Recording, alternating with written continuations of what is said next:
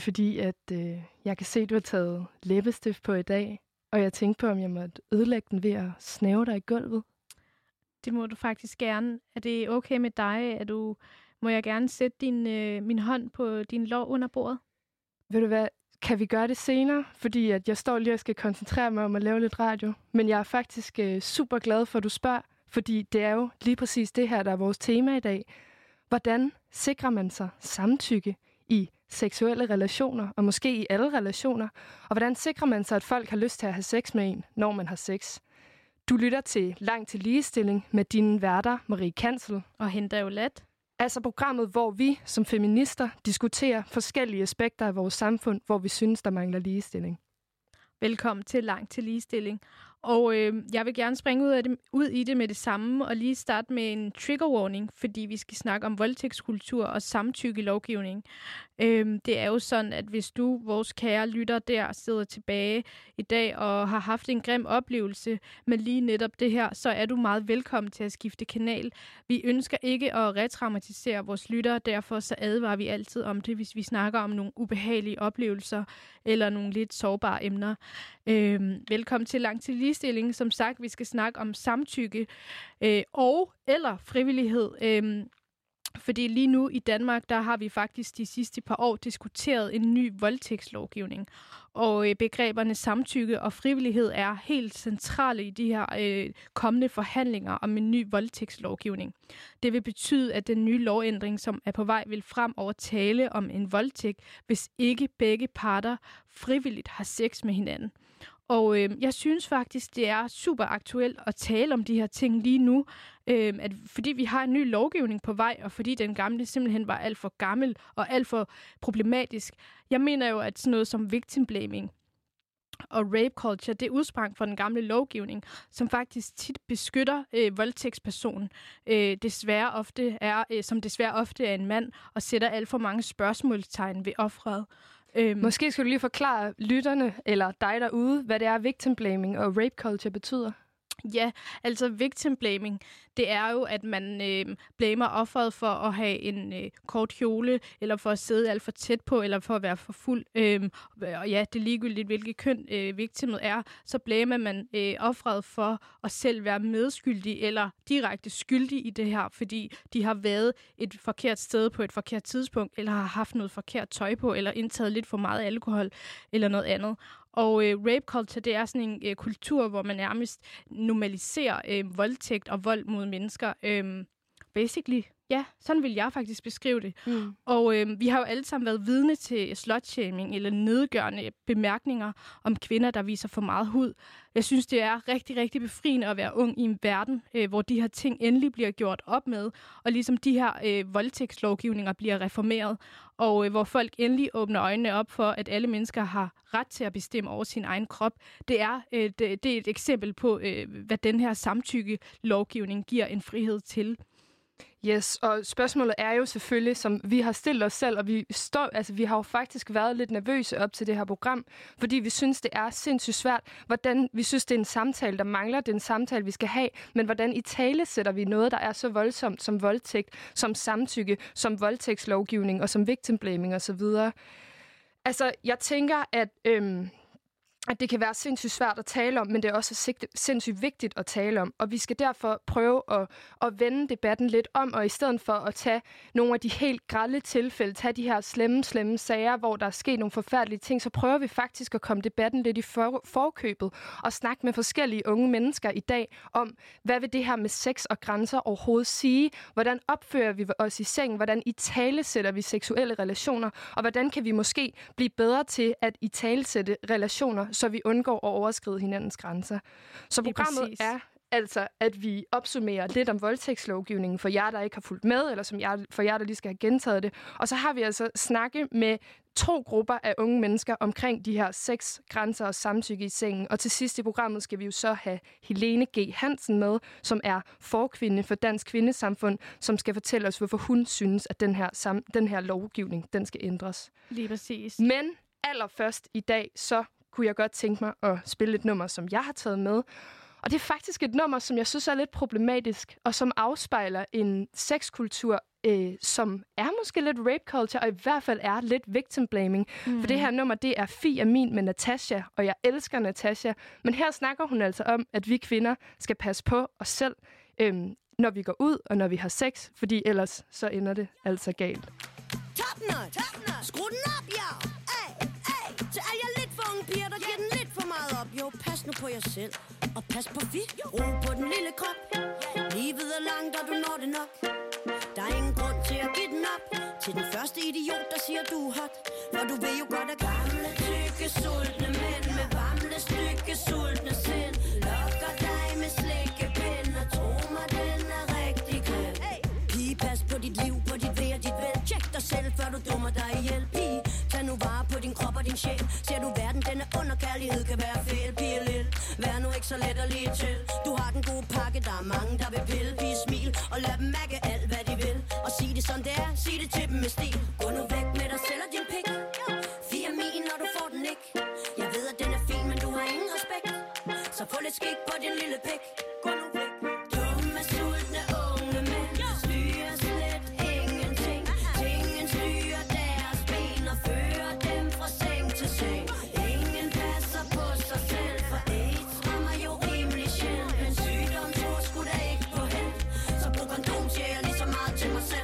Sex er godt, sex er fedt, sex er sundt. Og det får hele verden til at snurre rundt. Sex er bedst, når det varer mere end et sekund. Og det skal helt sikkert ikke gøre ondt. Sex er godt, når man får, hvad man kan rumme. Men visse pornofilm er sgu da rimelig grum. De burde vist have en advarsel i starten. Fuldstændig ligesom i Jackass. Yo, don't try this shit at home. Så ro på den lille krop. Livet er langt, og du når det nok.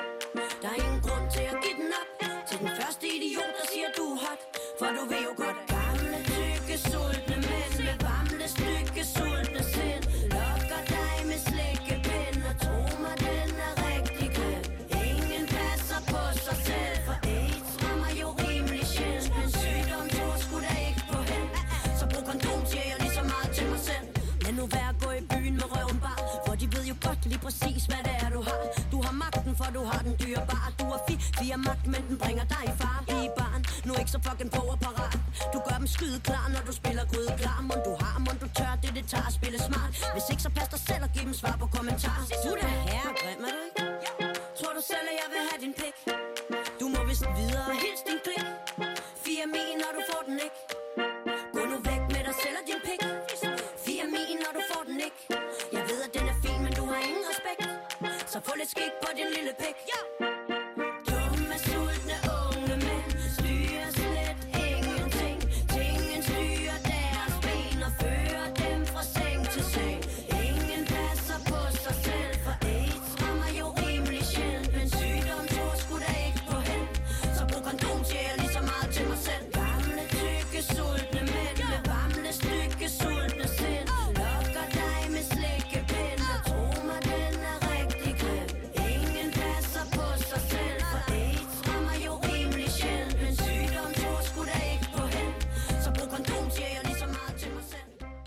Det var altså Fia Min med Natasha. Øhm, nummeret er fra 2007, hvilket man vist lidt kan høre på Jeg skulle lige teksten. til at sige, Maria, øhm, det, var, det var en anden tid. Det var en, en anden tid. Men nu er der heldigvis øh, voldtægtslovgivning på programmet, på politikernes dagsorden. Mm. Øhm, og det er jo det, vi skal diskutere i dag. Men Hinda, jeg tænker, at vi lige kan, kan starte helt fra bunden af og stille os selv nogle spørgsmål. Helt konkret, hvad er voldtægt for noget? Ja. Øhm, der er rigtig mange mennesker, der faktisk tror, at en voldtægt det er øh, en skummel mand, der hopper ud af en busk øh, klokken 3 om natten efter byen. Og voldtægt, det er rigtig mange ting. Øh, en voldtægt er faktisk, hvis man har samleje med nogen uden deres vilje og deres accept. Det kan ske via trusler, det kan ske øh, ved psykisk vold eller fysisk vold. Det kan ske med en, man har været kæreste med, eller en, man datede for en uge siden. Øhm, basically, en voldtægt er, at du har samleje med en person, uden at de har sagt ja til det. Øhm, og voldtægt kan være mange ting. Det er ikke den skumle mand, der gemmer sig bag en pusk. Øhm, og derudover så øh, vil jeg faktisk gerne fortælle lidt om, øh, ja, hvad vi skal snakke lidt om. Øhm, Altså, hvad, jeg tænker, der er, jo, der er jo forskellige ord, som, som, som vi har taget med. Du kan også forklare, hvad betyder et overgreb, og hvad betyder et samtykkebrud? Ja, Bare lige for at hive dig lidt igennem her. jamen altså, øhm, sorry, jeg tabte lige tråden. Øhm, som sagt, en voldtægt kan være mange ting. Øhm, og et overgreb, det er, at man egentlig fysisk eller psykisk krænker en person, som er lidt sværere end en. Det er, øhm, det er en eller anden form for magtovergreb, faktisk. Øhm, og et samtykkebrud, det er at gøre noget imod nogens vilje øh, og overskride deres grænser, og ligesom øh, en, også en måde faktisk at udøve magt over en anden person. Og, Men er øh, det her de officielle forklaringer på, hvad de her ting er for noget? Ja, mere eller mindre. Okay, Nå, spændende. Altså et samtykkebrud, det er vel bare, at man siger, øh, at man simpelthen har gået en, indgået en aftale, som man ikke overholder, tænker jeg. Mm. Og det er jo så det, vi skal snakke om i dag, når det gælder i sengen. Eller når man har sex. Lige præcis. Eller blot, når man er på en bar og gerne vil røre med nogen spaller. med spaller. baller. Klap den på numsen. Øhm, jamen, jeg har faktisk... Øh, eller du har nogle aktuelle tal med i dag, som du lige gerne vil gå i dybden med. Ja, altså man kan sige, at øh, Kvinfo har jo skrevet en del artikler om det her med voldtægt og voldtægtsforsøg i Danmark. Og det er sådan, at der er altså 5.400 øh, er det estimeret årligt i Danmark, som øh, så jo selvfølgelig er et tal, der er helt vildt svært at måle, fordi hvem er det overhovedet, der står frem og rent faktisk siger, at de er blevet voldtaget? Det er jo et mega tabubelagt Mm. mm. område. Men altså, der er ud af de her 5.400, der årligt øh, er estimeret voldtægtsforsøg, så er der 1079 af dem, der bliver anmeldte. Og de dømte i den her, og det er jo det spændende tal, det er altså 69 personer. Det er altså 1,3 procent af de mennesker, der bliver anmeldt for voldtægt, der faktisk bliver dømt for det. Hmm, jeg har faktisk en kommentar, jeg vil knytte til det, fordi alt det, jeg nævnte tidligere med victim blaming og rape culture, det er jo sådan noget, som gør, at folk de ikke tør stå frem med de her ting, fordi man jo har hørt, at det er din egen skyld, hvis du havde den nederdel på, og man er ligesom bange for at tage hele den her kamp op, fordi bliver person overhovedet dømt?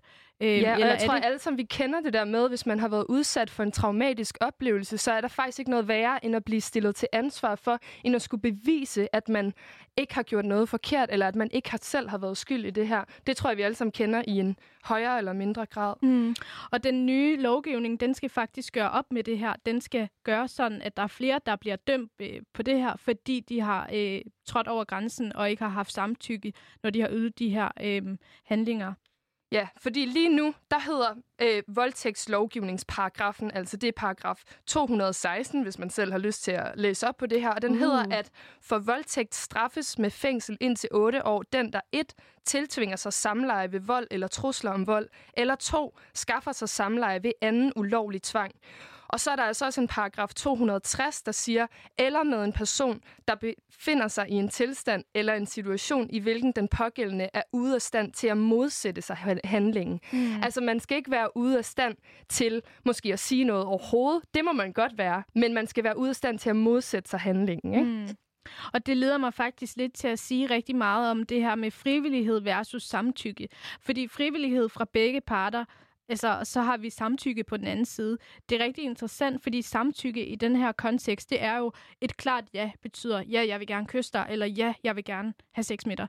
Men øh, frivillighed, det kan jo godt være, at en person er passiv og ikke siger noget, øh, og føler sig presset, eller føler sig nervøs og ikke tør at sige noget, og derfor så antydes det som et ja, hvis man fri, altså frivillighed, passivitet kan være en frivillighed.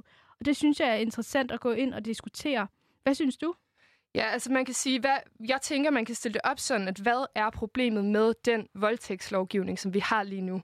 Og problemet er altså, at voldtægter ikke bliver anmeldt, og voldtægter ikke bliver dømt, eller gerningspersoner ikke bliver dømt. Og det er jo som sagt det her, du siger med victim blaming, og med, at der er en hel masse ting, der er off omkring den retssikkerhed, vi har omkring de her ting. Fordi de her en voldtægtslovgivning baseret på tvang, den sikrer os jo ikke øh, rets, retssikkerhed i tilfælde, hvor for eksempel, at man fryser under sex. Altså det vil sige det her med, at der sker noget grænseoverskridende, og så bliver man så chokeret, eller bliver så traumatiseret, at man faktisk ikke kan sige noget, at man ikke kan mm. modsætte sig handlingen. Det gælder, når vi er i byen, når vi er beruset, eller er på stoffer, eller alt, hvad man nu end gør, mm. at man godt kan ende i tilstanden, hvor man ikke er altså, hvor man ikke ved, hvad der er op og ned, og hvor man ikke ved, hvad man siger ja eller nej til. Det er præcis. Jeg kender det godt for mig selv, hvor jeg har oplevet mange gange, hvor, nej, nej, det, altså ikke, det behøver nødvendigvis ikke være sådan en kæmpe stor samtykkebrud, nej. men sådan ting, hvor jeg har frosset i minuttet, og så tænkt, what Nå, the fuck senere ja. hen, hvad var det lige, der skete? Det var ikke okay, det der skete. Øhm, så det ja. er jo en reel, øh, det er et element, som spiller ind, og det er det, der gør, at rigtig mange lige i øjeblikket, de kan sige, stop, du voldtager mig, men så ja, tænker over det senere og ikke tør at sige nej. Mm. Og så er der jo også de her tilfælde, hvor folk er kærester, eller hvor folk faktisk er ægte folk, og der er en eller anden sådan øh, uskreven eller skreven kontrakt om, at man har bundet sig til hinanden, og dermed også er sexpartner i den her forstand. Og så kan det godt være, at man bliver tvunget til nogle ting, fordi at, nå, jamen, det gør kærester jo, eller så overtaler man lige hinanden, hvis den ene er liderlig, og den anden ikke er. Øhm, og så, han, så pointen er jo ligesom bare med alt det her, at, at, at vi tror, og der er rigtig mange, der tror, at der godt kan være pres under sex, der kan godt være pres til stede, uden at der altså er det her vold eller trusler om vold, som man faktisk, der faktisk er til lige nu, for at øh, man kan blive dømt for en voldtægt. Og så er det jo straffelovrådet, der er blevet sat til den her, på den her opgave af politikerne til at tage stilling til, hvordan skal vores voldtægtslovgivning så se ud. Og der er det jo, de har de her to spørgsmål, enten om frivillighed eller samtykke, om det altså er en voldtægtslovgivning, der skal være baseret på frivillighed, eller om på samtykke. Mm. Og der har du jo præsenteret, hvad de to forskellige ting betyder. Altså samtykke betyder, at der skal være en klar aftale til stede om, at begge parter, eller alle de parter, der nu er med til at have sex, har sagt ja til at være med til det her. Og frivillighed betyder altså, at det er strafbart at have samleje med en person, der tilkendegiver, at de ikke har lyst, eller som ikke er i stand til at tilkendegive noget. Mm. Så begge ting er jo ret, er, har en positiv effekt i forhold til, at det altså lægger bevisbyrden væk fra offret og over på gerningspersonen. Det bliver altså nu op til gerningspersonen, hvis de her ting kommer igennem, bliver det op til gerningspersonen at skulle bevise, at der ligesom på en eller anden måde har været frivillighed eller samtykke til stede. Og det kan jo gøre op med netop den her victim blaming, netop de her spørgsmål om, når man vil du ikke godt selv, og var der ikke noget om det ene og det andet, og er I ikke også kærester, hvorfor vil man så ikke have sex, og så videre, ikke? Ja, men der er jo også en kritik af de her ting. Kritikken ja. af frivillighed, for eksempel, som du også selv sagde, det er jo, jamen, er frivillighed så Altså, er der stor forskel på, at der skal være frivillighed til stede, eller at der ikke må være tvang til stede? Er det ikke lidt to sider af samme sag, og kommer den her lovgivningsændring så overhovedet til at betyde noget? Og så er kritikken af samtykke jo selvfølgelig, at for det første for dem, der ligesom gerne vil have, have, øh, er meget aktivistiske i den her kamp for at få en ny lovgivning, siger, jamen det er stadig mega svært at få dømt folk for voldtægt, ikke? fordi det er stadig ord mod ord. Men folk, der er kritikere af samtykke-kriteriet, siger ligesom, at øhm, vi kan jo ikke have samtykke, hver gang vi har sex. Det er jo ikke sådan, vi har sex lige for tiden. Der er jo ikke samtykke til stede, og skal vi så have en hel masse mennesker, der faktisk går rundt og har mega ulovlig sex? Og lige det præcis. er det, vi skal jo prøve og se, om vi kan komme frem til i dag, tænker mm. jeg. Og vi skal også have det nuanceret mere, og også høre, hvorfor det er, det nogle gange faktisk, øh, måske for nogen, virker stadig en lille bitte smule akavet at have den her samtykke etableret i den måde, som vi begås hinanden, og den måde, som vi øh, kysser og øh, knaller med folk på. Det bliver nyt.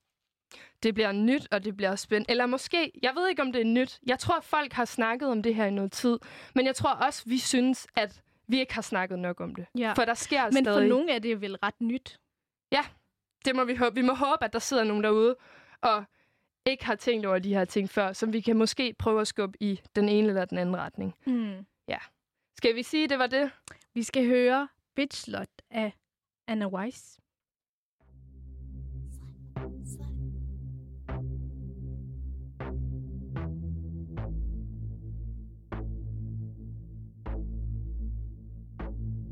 So they calling you a bitch, calling you a slut. Cause you dress up, cause you dress down. Cause you said no, cause you slept around. Cause you played games, cause you lost your head. Cause you went slow, cause you jumped ahead. Cause your hair's long, cause you shaved it off. Cause you did wrong, can't erase it, tough.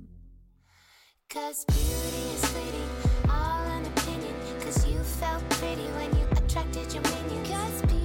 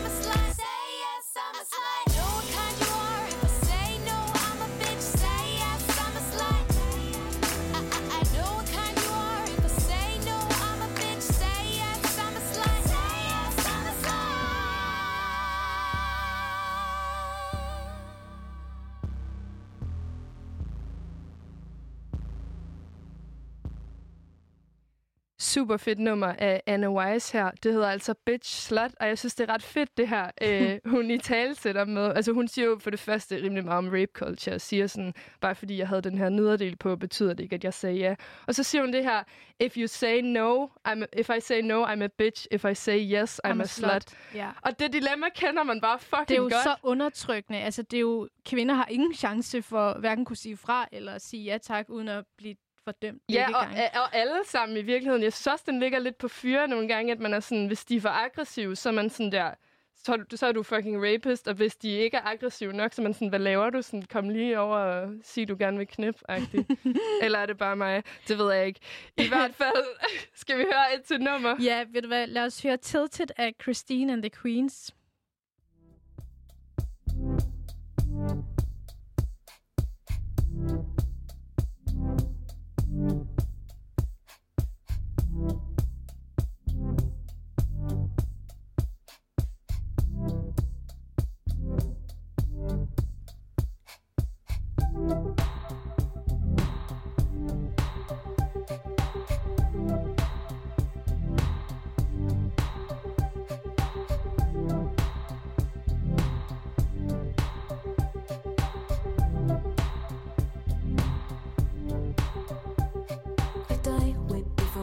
Methuselah. So I'll fight sleep with ammonia. And every morning we fight so red. I miss them for the tears they shed. But I'm actually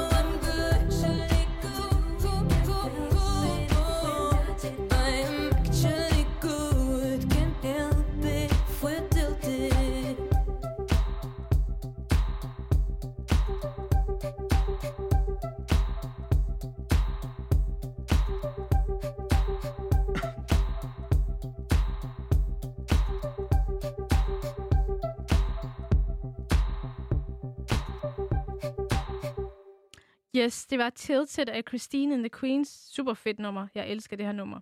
Kæmpe lytter- banger. Ja. Du lytter fortsat til Langt til Ligestilling, radioprogrammet, hvor vi diskuterer, hvordan vi opnår mere ligestilling mellem alle mennesker. Øhm, I dag har vi altså voldtægtslovgivning på programmet. Skal voldtægtslovgivning ændres og baseres på samtykke?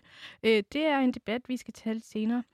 Først kommer vi til at tale om, hvad er sex, og øh, hvad er grænser for folk. Hvordan fungerer sexkulturen, og hvordan i tale sætter man, hvis ens grænse bliver overtrådt. Og ikke mindst, hvordan fungerer samtykke øh, i, praktisk, i praksis. Eller teknisk. Jeg blandede det Teknisk praktisk. eller i praksis. ja. Same. Og vi skal jo prøve at finde ud af det her ved at have to af det, vi i det her program har, og det koncept, vi har opfundet, som hedder skamtaler, altså samtaler, hvor vi snakker lidt om skam, lidt om tabuer, mm. øh, meget om sex er det blevet til. Skamtale. Husk, Øhm. det, var, det var os, der opfandt det. Det var også der Hvis det kommer i ordbogen. I hørte det her først. Og nu kunne jeg lige, redde lige høre vores øh, ene gæst grine, men vi har faktisk tre gæster med i studiet, som er første hold, Woo! der skal være med til de her skamtaler. Øhm, det er altså Clemens Christian Balk Møller, Hey. Goddag. Elias Zacharias Sadak Det er Eli. og Isak Høgh Liemann. Hej. Velkommen Hjerteligt. til, guys. Velkommen til tak, jer. Tak, tak, for at vi måtte Mange komme. tak. Tusind tak. Mm. Jamen, jeg tænker, at I lige øh, starter med at introducere jer selv og hvem I lige er. Kort og hurtigt. Ja, øh, mit navn er Elias Zacharias Sadak. Øh, jeg er prisnomineret forfatter øh, fra født og opvokset i Gellerup-parken, dansk marokkaner, øh, homoseksuel muslim, øh, 26 år gammel. Ja, det er sådan en kort lille opsummering. Stærkt.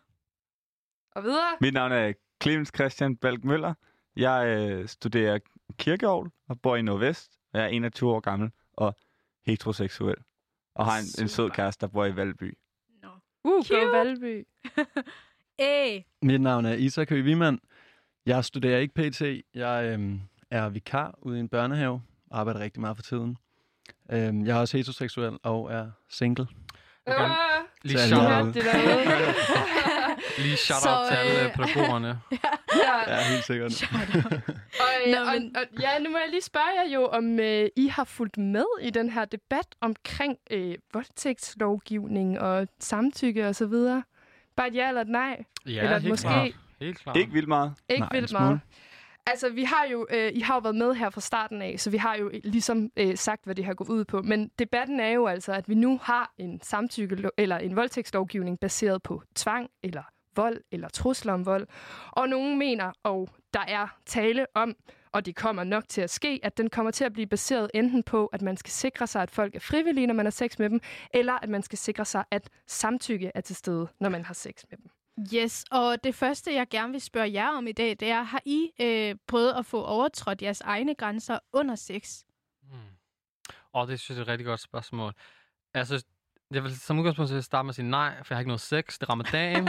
Ej, øhm, jeg vil sige helt klart, det er en oplevelse, jeg har oplevet. Og jeg tror også for mig, øh, altså, jeg sprang først ud i starten af mine 20'er, og så sådan, jeg har dyrket faktisk ikke mit seksuelle, seksuelle liv, før jeg sprang ud. Mm. Så sådan, det sådan at skulle træde ind i det der, og den side af sig selv, Øhm, ligesom at skulle lære sine egne grænser at kende. Det var sådan noget, jeg skulle lære i starten af mine 20'ere. Jeg kan huske, sådan, i starten fik jeg mine grænser overtrådt konstant jo. For jeg vidste ikke, hvor mine grænser lå henne. Mm. Øhm, så jeg kan huske sådan, i rigtig meget i starten af mine 20'ere, det var sådan et, et projekt, jeg arbejdede rigtig langt på. Særligt også noget, det er påtalt tidligere. Det der med sådan, den der følelse i sig selv, sådan, hvornår er for langt, for langt, hvornår har man lov til at sige fra egentlig. Jeg kan huske sådan, altså, jeg er en ung voksen mand, altså jeg kunne tænke, hvorfor fanden er det så svært for mig at sige fra, ikke? Altså sådan, jeg, på, på, på den måde følte jeg egentlig sådan godt, øh, jeg kunne relatere sådan til det altså kvindelige perspektiv i debatten, sådan, for jeg følte sådan, okay, øh, jeg stod sådan på modtagerens side af det, Mm. sådan, og så kunne jeg faktisk godt mærke nuancerne og kompleksiteterne i sådan, at finde ud af at i tale sætte ens grænser, og faktisk finde ud af, hvornår er ens grænser. Fordi, som I måske også har nævnt, det der med, at man kan faktisk gå fra et seksuelt møde, og så komme hjem, og så faktisk senere, når man reflekterer op, over oplevelsen, indse faktisk, wow, det her føles faktisk ikke godt. Jeg følte Mm. faktisk en grænse, der var overtrådt her, men jeg kunne faktisk ikke sige noget i øjeblikket. Så jeg vil sige helt klart, at øhm, det er noget, jeg har prøvet. Ja, Mhm. og jeg tror altså ikke, du er den eneste. Øhm, hvem er jer andre? Jeg har, jeg har oplevet ting, som jeg ikke, som jeg ikke havde lyst til under samleje, hvor at, øh, jeg måske ikke har kunne finde ud af at sige fra, men ikke, ikke noget, der så efter er sket. Altså, der, der har aldrig været ude af min kontrol, så at sige. Mm. Det har aldrig været en, en situation, som var altså, direkte enormt, eller sådan, direkte ubehagelig for mig. Spændende. Og Isak? Øhm, nej, ikke sådan umiddelbart, når jeg tænker over det. Øhm, og det er måske, det er heller ikke noget, jeg sådan har overvejet vildt meget. Øhm, det siger måske også lidt om kulturen, men sådan, jeg føler, jeg føler ofte, at jeg, selvom jeg har været meget fuld eller påvirket på anden vis, at jeg sådan efterfølgende, altså ikke har, ikke har siddet og fortrudt noget, eller sådan, jeg føler tit, at det er inden for min kontrol. Mm. Det leder mig faktisk lidt til næste spørgsmål, som er, har I øh, overskrevet andre folks grænser? Har, I- har, man- har I nogensinde siddet tilbage og tænkt, ej, det der, det kan jeg måske lige aflæse, det, det var måske lige lovligt ubehageligt, eller jeg kan se, at personen ikke er helt glad i hovedet. Har I oplevet det? Altså, det har jeg, altså det ved jeg faktisk, jeg har. Øhm, ikke bevidst, men jeg har oplevet, hvor vi begge var fulde, og det ligesom blev snakket om bagefter, at hov, der skete noget der, som jeg ligesom ikke helt var Mm. mm. interesseret i, eller ikke var med i. Øhm, og det var noget, vi fik snakket ud, og det var en, det var en god veninde, så der var ikke noget der, men, men det var også noget, hvor jeg kunne huske, da jeg fik det at vide, var jeg lidt par for, sådan, nå, okay, shit, det vidste jeg ikke, den vibe havde jeg slet ikke fået, sådan, så, Mm. men overhovedet ikke bevidst, selvfølgelig. Og jeg skal, det er også sjovt. Det næste, det er også bare, altså tror I helt seriøst på, at vi vil kunne undgå de her overgreb i sengen og andre steder, øh, hvis vi snakker lidt mere sammen under sex? Ligesom du siger, at man ligesom udreder de her ting, og der er mere kommunikation, og man siger, det der, det kan jeg ikke lide, eller hvad synes du om det her? Hvordan tænker I? Vil det være en god løsning? Altså, jeg tænker bare generelt, når det kommer til, altså ikke kun sex, men bare alt i livet, så er kommunikation jo nøglen, ikke? Altså sådan der, hvis man har øh, en eller anden fornuftig samtale inden, eller måske bagefter, eller så videre. Altså, jeg tænker også, en person, man ved, man kan kommunikere med, eller en person, man kan tale med, er også en person, man er tryg med, så sandsynligheden for, at der sker et overgreb, eller en krænkelse på den måde, tænker jeg også er minimeret egentlig. Øh, men jeg ved også godt, at der er mange situationer også, altså lad os være realistiske omkring det, at, hvor der ikke er mulighed for, at man kan have en samtale, inden man har sex. Altså, der er også mange, man møder kun én gang. Altså, man har faktisk heller ikke engang muligheden for at have den der opfølgende samtale. Øh, men jeg tænker helt klart, altså sådan der kommunikation er nøglen, men jeg tænker også, altså, altså det, det er jo en stor del af den måde, vi kommunikerer på, er jo nonverbalt. Altså, man sender jo også signaler øh, med sin krop, så jeg tænker, det handler også lidt om at kommunikere på andre måder, eller blive bedre til at aflæse andre folk, faktisk. Det, det, det tror jeg måske mere, det, det ligger i. Altså, et, et, eller man skal pålægge det ansvar hos sig selv, faktisk, at være bedre til at aflæse signaler, egentlig, som ikke er sådan verbal cues. Jeg tror, der er mange, der har svært ved at forstå kropslige signaler. Især for det modsatte køn. Og jeg tror ikke, især under samleje, synes jeg ikke personligt i hvert fald, at kommunikation verbalt altså er noget som helst, som, som altså, sætter en stopper for... for eller, altså, sådan, selvfølgelig, hvis, hvis der er noget, man gerne vil, og man verbalt for at vide, nej, det, det skal du ikke, så har du som sådan også sat en stopper for noget. Men, men altså, forstå mig ret, det sætter ikke en stopper for, øh, altså, at det kan være en, en fed oplevelse, nødvendigvis tværtimod.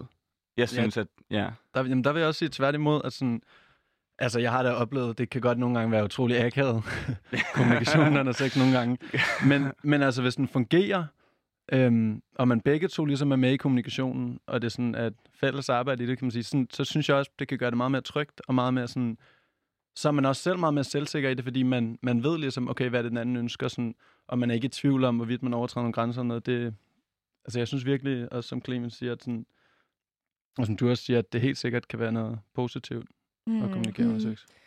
Helt klart, og det, jeg, jeg synes, det er super spændende, at, at I står og snakker om alle de her ting, også fordi, at det er sgu, altså, nu skal vi heller ikke dele for meget op i køn, men I er tre cis-mænd, og det er sjældent, at den her debat faktisk er på, på jeres læber, ikke? Altså, der er rigtig mange andre, der tager den her, så jeg synes også, det, det er sindssygt nice, at de har lyst til at være med og snakke om de her ting.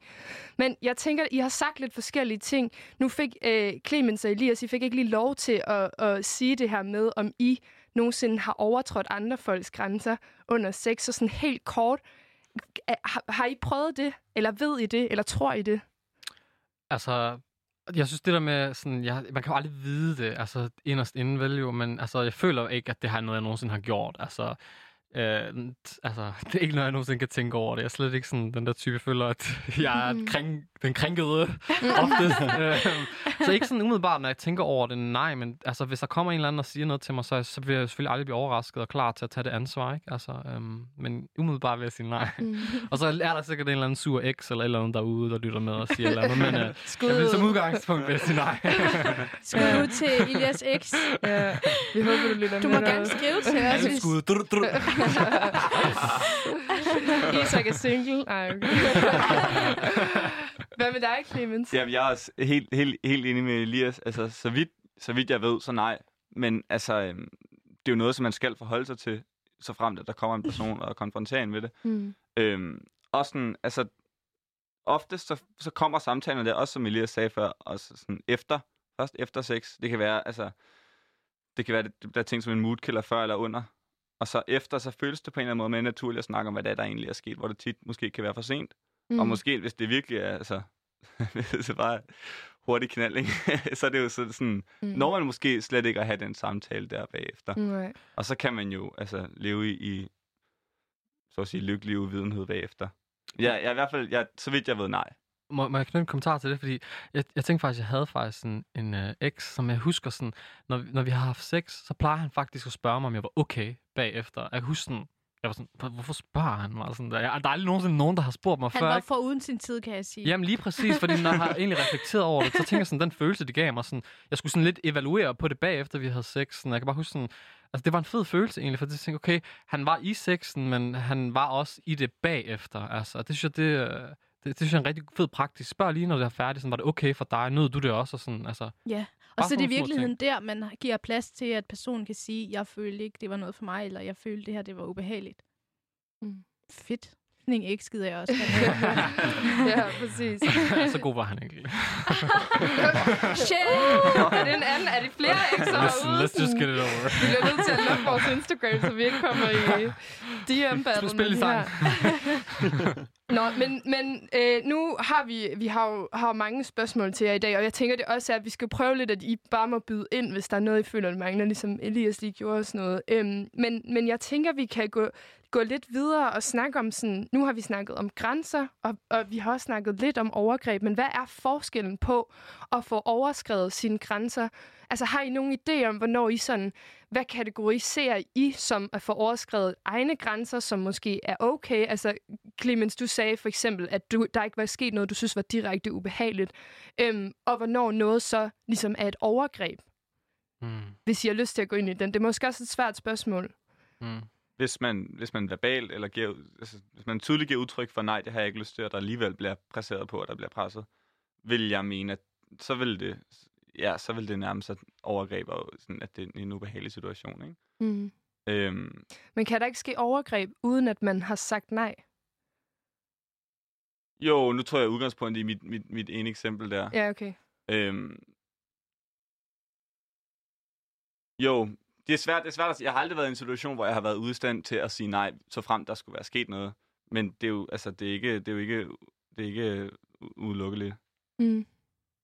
Altså, jeg vil sige, at mit udgangspunkt i forhold til det, er, det er måske sådan lidt for øhm, sådan, øh, unuanceret, men altså, jeg har den holdning, og det er måske, fordi jeg er vokset op i et hjem med mange kvinder, men jeg har den der holdning med, hvis en kvinde fortæller mig, øhm, mand eller kvinde, det kan sgu egentlig være lige meget, men hvis vedkommende fortæller mig, at jeg er krænket, eller jeg har haft en oplevelse af krænkelse, altså, så vil jeg acceptere det.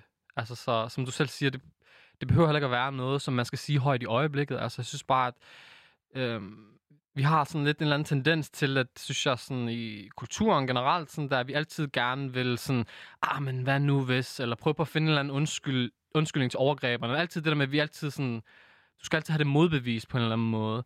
Øhm, så jeg synes, nej, det der med sådan, ja, altså hvis, hvis en person føler, at det er et overgreb, så vil jeg kalde det faktisk et overgreb. Altså jeg ved godt, det er en glidebane, ikke? Fordi hvor, hvor går det hen, men det er bare sådan, jeg har det.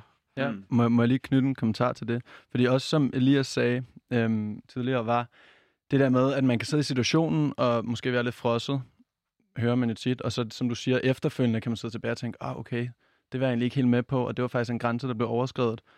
Øhm, og der tror jeg virkelig, det er, som Elias siger, at det er jo, man sætter selv sine grænser, og man ved selv, hvor de er, hvornår de er blevet overtrådt. Men der tror jeg også, i, den, i hele den debat, er det virkelig vigtigt at vide, at den partner, du har været sammen med på det tidspunkt, har sikkert heller ikke, eller har højst sandsynligt heller ikke fået den vibe måske, at, at det var en grænse, der blev overskrevet, fordi du enten har frosset, eller måske ikke var helt sikker på de grænser på det tidspunkt. Øhm, og, og det kan jo både tale, tale altså for og imod, men jeg vil sige, på mange måder taler det for, at man får mere kommunikation. Fordi hvis man så sidder som, altså ikke fordi jeg skal tage udgangspunkt i det, men hvis man sidder som dig i det tilfælde, og man er der, og man, sådan, man, man er måske ikke helt sikker på, hvad der, hvad der, ligesom, hvad der er ens grænser, og sådan, hvis der er plads til, man kan sige fra, så tror jeg også, man er mere tryg til ligesom at mærke, sådan, er det noget, jeg vil med til det her? Og, sådan, og hvis du så siger fra, så er personen ligesom ikke i tvivl om, okay, der er en grænse. Mm. Men hvem er det så op til i det tilfælde at sikre sig? Er det op til mig at sige fra, eller er det op til dig at sige og, og give mig lov til at sige fra? Er det op til dig at spørge? Altså, det er jo så sådan, det kommer så lidt frem til, hvem den aktive i, i, ligesom, i samlejet er. Og ikke fordi den nødvendigvis kun skal være en aktiv, men sådan... Nej, det vil være... Men dig, mig, men, men altså ikke fordi der er... Altså tit er der jo en, der deltager mere, eller som er mere med i det. Sådan, eller mere tager, ligesom, tager the lead, eller hvad man siger. Øhm, men, men der er det også sådan, at, at det skal være den der fælles kommunikation, men det kræver også en vis selvsikkerhed i sex. Altså man skal være meget sådan, hvad siger man, selvsikker i hele den her act, ved også at kunne spørge sådan, hey, er du med på det her? Er du frisk på det her? Er det sådan, jeg tror også, der er nogen, der kan føle, som jeg også snakkede om tidligere, at hele den der kommunikation kan være akavet, og man ved ikke helt sådan, og er det bedre, hvis jeg bare ligesom går ind i det, eller er det bedre, hvis jeg lige spørger, eller sådan.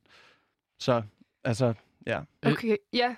For jeg synes faktisk, at du siger, altså, når du siger nogle af de ting, så tænker jeg også, altså, noget af det, jeg har, kigget lidt på, det er, at jeg fornemmer rigtig meget, særligt blandt mine straight venner, friends, guys, what up, det er, at jeg synes, de oplever sådan, jeg synes, de kæmper rigtig meget lige præcis med det her consent, altså, fordi jeg føler sådan, for dem er det jo også sådan, øhm, det er sådan, at det, det, det er noget, der skal læres på en eller anden måde. Ikke? Altså, vi er i gang med at lære sådan en helt ny generation af unge mænd, sådan, hvordan skal de forholde sig til sex, altså i sengen, ikke? med deres partner, fordi de, vi kommer fra en kultur, der har været anderledes, så jeg fornemmer også rigtig meget, sådan der på mange straight men de bliver rigtig frustrerede, eller sådan, de kan ikke helt finde øhm, hoved og hale i det, fordi at man bliver ofte som udpeget som the bad guy i det her, ikke? Og, og jeg føler egentlig, det er sådan noget, altså, let me talk, I'm, I'm gay in this, I feel like I'm a little bit outside, men jeg føler sådan, det er noget, vi skal finde, vi skal finde sådan, øhm, frem til den her consent sammen, altså som i et sikkert. par, ikke i sex, så det heller ikke kun ligger hele ansvaret på mændene, for jeg føler også, at det er kæmpe ansvar at lægge over på dem, altså de er jo også i gang med sådan at figure it out, og when it's too much, it's too much. Um, Ja, ja, også fordi, at det behøver nødvendigvis heller ikke være en mand, der overskrider grænsen. Det kan også være en Mm. kvinde, ikke? 100 procent. Hvilket jo leder os lidt til noget, fordi jeg, det, er jo, det er virkelig sjovt, når, altså Isak, når du i tale sætter det her med, at øhm, der, er, der er jo en, der er den aktive, for eksempel i sengen, og der er den en, der er den passive, så har jeg jo nogle alarmklokker, der ringer. Og det er jo netop fordi, at, at, at jeg synes jo, der er en, der er jo, det, er jo, det her er jo nogle idéer, vi har om, hvordan sex skal være, hvordan seksuelle relationer skal være. For, for mig som feminist kan jeg bare ikke lade være med at tænke, ej, det, det må sgu være på alle mulige måder. Øhm, men, men jeg tænkte bare, at jeg vil spørge sådan, jer alle sammen, om I synes, altså, gælder der de her spilleregler under sex? Gælder der, er der en bestemt kultur? Du siger det her med, der er en aktiv og en passiv. Altså, og måske også i, i den forstand tale lidt om kønsroller. Altså, at tale om og måske også tale lidt om forskellen på, hvordan er det så at have heterosex, hvordan er det at have homoseksuel sex, ikke? Altså det her, Det er hvad, bedre. hvad er... I agree with my... Jeg siger ikke noget. Øhm, men øhm, Der er nogen, der ved, hvordan ens vagina fungerer. Det, okay, det, kom, det, Det er lige for meget for langt. Hvis jeg lige, altså, jeg vil måske lige starte Hvordan er, hvordan er vores sexkultur? Kan Hvilke regler Jamen, jeg vil måske lige starte med at altså sådan, omformulere det før. Det er jo ikke sådan, at der er en, der er aktiv, og en, der er passiv. Det er sådan, det lyder meget rapey vibes, må jeg sige. øhm, men det, jeg mener, det er, at jeg synes... Jeg har da også oplevet nogle gange, hvor det virkelig er sådan, at man er fælles om sådan, kommunikationen, og sådan, man begge to ligger op til forskellige ting, og det er jo helt klart den fedeste vibe i det.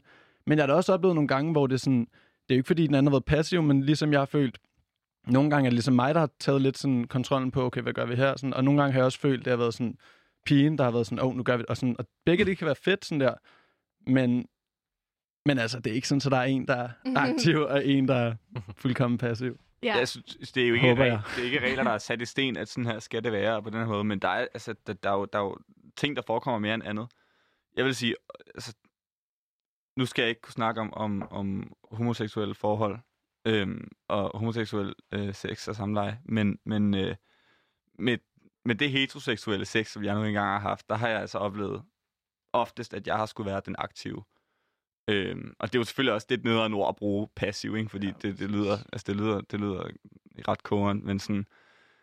Øhm, man har, altså der, der, der, selvfølgelig er der undtagelser, men, men øhm, oftest har det, har det ligesom, det, har- det har virket, virket bedst.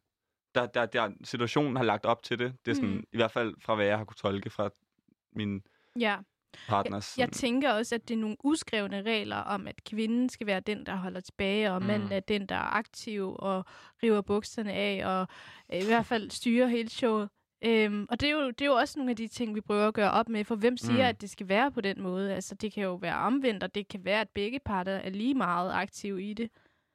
Mm. Har jeg i hvert fald tænkt på det. Jeg tror, der er mange mænd derude, som godt kunne tænke sig at være den passive en gang imellem. Så synes, Der er det er mange meget, flere, end ja. tror. Coming for you all! Bare match med hende på Tinder, så skal det nok. Hende, der for Tinder. Lol. Ej. Nå, men Ilias, jeg så, at du skulle til at sige noget. Ja, men jeg, men jeg tænker bare, at øh, altså, jeg føler helt klart, der er sådan, når det kommer til sex, er der helt klart, som, som vi andre også er inde på, det der med, der er helt klart en eller anden, der initierer det. Altså sådan, der er en, der tager skridtet, eller sådan, der er en, der lægger op til det på en eller anden måde, ikke? Og så, så er der den anden part, der ligesom responder på det, svarer på det på en eller anden måde, ikke? Det tror jeg er en lidt bedre måde putte Ja, den. ja. og det, det er sådan ligesom sådan en dans, ikke? Man skal ligesom finde eller sådan en balance, og man går lidt frem og tilbage, føler jeg.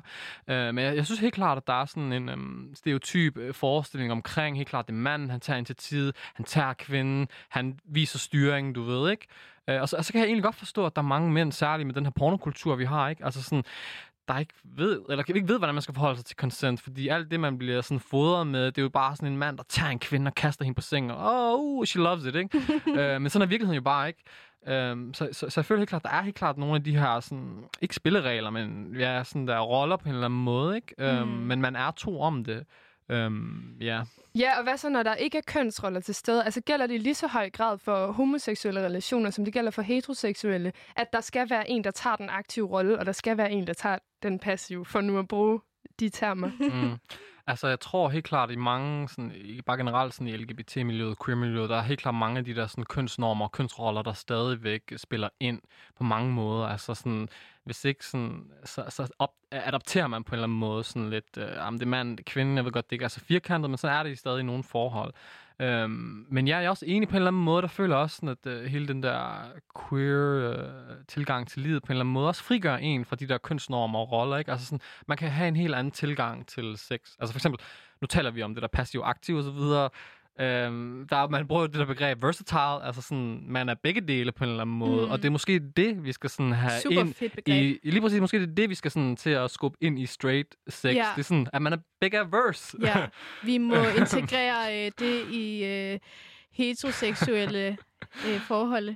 Øhm, det, det næste, jeg skal til at høre jer ad, det er, hvordan i tale sætter man egentlig de her grænser øh, og sex, øh, uden at ødelægge den gode stemning? Er det sådan, hej skat, må jeg suge din pik? Ja eller nej? Eller sådan, skal man bare flå bukserne af nogen, og så kaste den ned på en stol, og så gå i gang? Eller hvordan gør man det, uden at gøre det akavet, uden at ødelægge uh, the sexual vibes?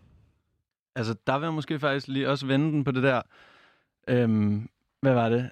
Øh, den initierende og responding, i stedet for aktiv-passiv. Det tror jeg, det er bedre. øhm, men at sådan, der føler jeg da også de gange, hvor jeg har initieret det, så har jeg også ligesom klart følt, at det var ligesom mig, der skulle spørge, sådan, er det okay, er det okay at tage bukserne af dig, sådan, hvor ligger grænserne? Jeg har aldrig nogensinde oplevet, at en kvinde har spurgt mig. Øhm, og ikke fordi, at jeg har følt, at der har været behov for det, men det snakker måske også lidt til sådan, hvor sådan, altså kulturelt vi regner med, hvor det ansvar ligger, eller sådan, hvor hele den sådan der, hvordan den proces er, som også lidt snakker om, jeg tror, hvordan mange mænd kan have det med hele det her samtykke, øhm, med den nye samtykkelov, at sådan, som det jo ikke skal være på den måde, jeg tror, mange mænd kan komme til at føle sådan, "Nå, men så er det mit ansvar hele tiden, mm. at jeg skal spørge, at det er mig, der skal sørge for, at hun er okay, men det er det jo ikke, det skal jo gå begge veje, for at det ligesom kan fungere. Og jeg tænker også, alle vil jo gerne føle sig begæret jo. Altså, man vil jo også som mand altså, have, at ens kæreste kommer op til en. Og hvis man er den, der altid tager initiativet, så vil man jo også gerne føle det modsatte. Og jeg tror også lidt sådan, det jeg tænker sådan lidt, det er meget sådan, jeg føler sådan der, at man som mand bliver lidt fanget ind i den der sådan, ah, men du vil have, at jeg skal være følsom, men du vil også have, at jeg sådan skal kunne tage stilling og være lederen og føre an i sengen, ikke? Altså sådan, jeg føler sådan, at det er helt klart en eller anden balancegang for mænd, ikke? At de skal samtidig kunne være sensitive og spørge om samtykke og være kærlige, men de skal også kunne være den, der tager initiativet og tager, følger trin anden i sex, ikke? Fordi Mm. det gør kvinden måske ikke nødvendigvis. Altså, jeg føler også sådan, at der er mange mænd, der sådan lidt bliver fanget i den der balancegang mellem sådan, hvad er det egentlig, kvinder vil have, ikke? Altså Mm, sådan, mm. øhm, Og personligt så hader jeg de der regler om, ja. hvordan en rigtig kvinde skal være, og hvordan en rigtig mand skal være, fordi... Ja, og jeg tror altså, begge køn bliver fanget i den her. For jeg vil også sige, at vi har øh, et, en skamtale igen senere med fire kvinder, som netop også snakker om en kultur, og som alle øh, kvinder, tror jeg, mærker, der, har, der ligesom på en eller anden måde er seksuelt aktiv over, at hvis...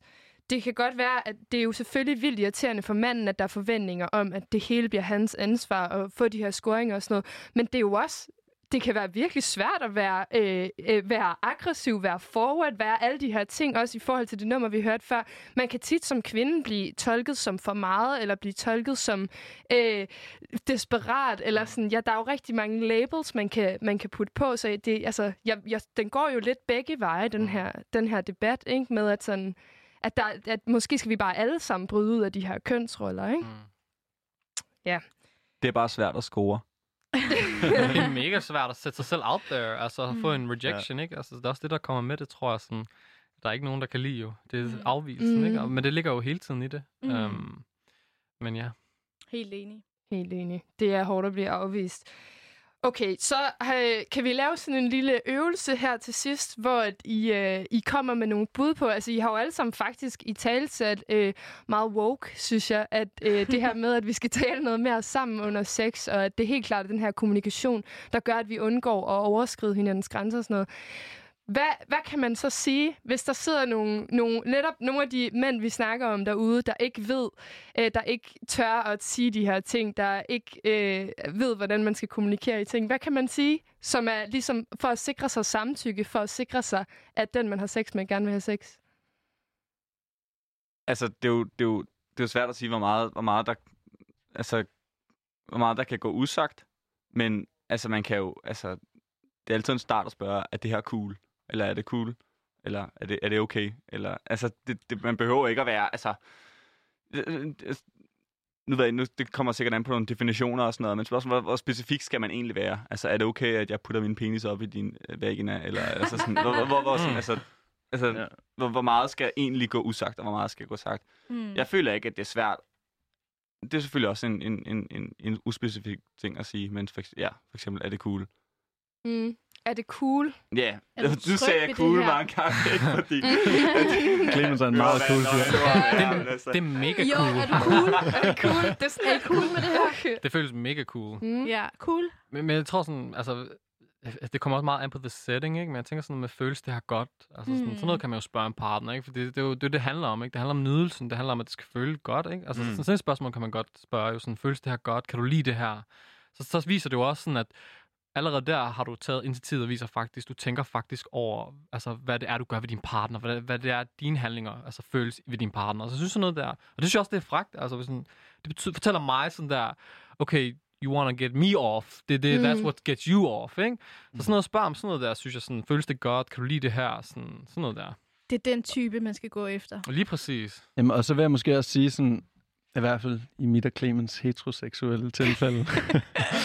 øhm, der, øhm, der er det måske mere jer, der står på den front, eller de heteroseksuelle kvinder, som skal ligesom sige, prøv lige at høre, hvad der fungerer for os. Altså sådan, hvis man snakker til de heteroseksuelle mænd, fordi jeg, altså, jeg tror, det lyder bedre, hvis det kommer fra, fra den anden front, som er sådan, hey, jeg synes faktisk, det er vildt sexet, hvis du spørger mig, om jeg har lyst Ja, til, at du går ned på mig, eller om jeg har lyst til det og det det. Fordi så får man lidt mere selvsikkerhed i det, og man kan stå der og vide sådan, fordi jeg tror, at tit problemet kan være sådan der, er det mærkeligt, hvis jeg spørger om det her nu? Agtigt, sådan. Og der tror jeg, det er fedt, hvis man bare har den her følelse af, sådan, selvfølgelig skal jeg det, det synes hun bare er frægt. Altså. Men er det, er det mere op til kvinderne end mændene?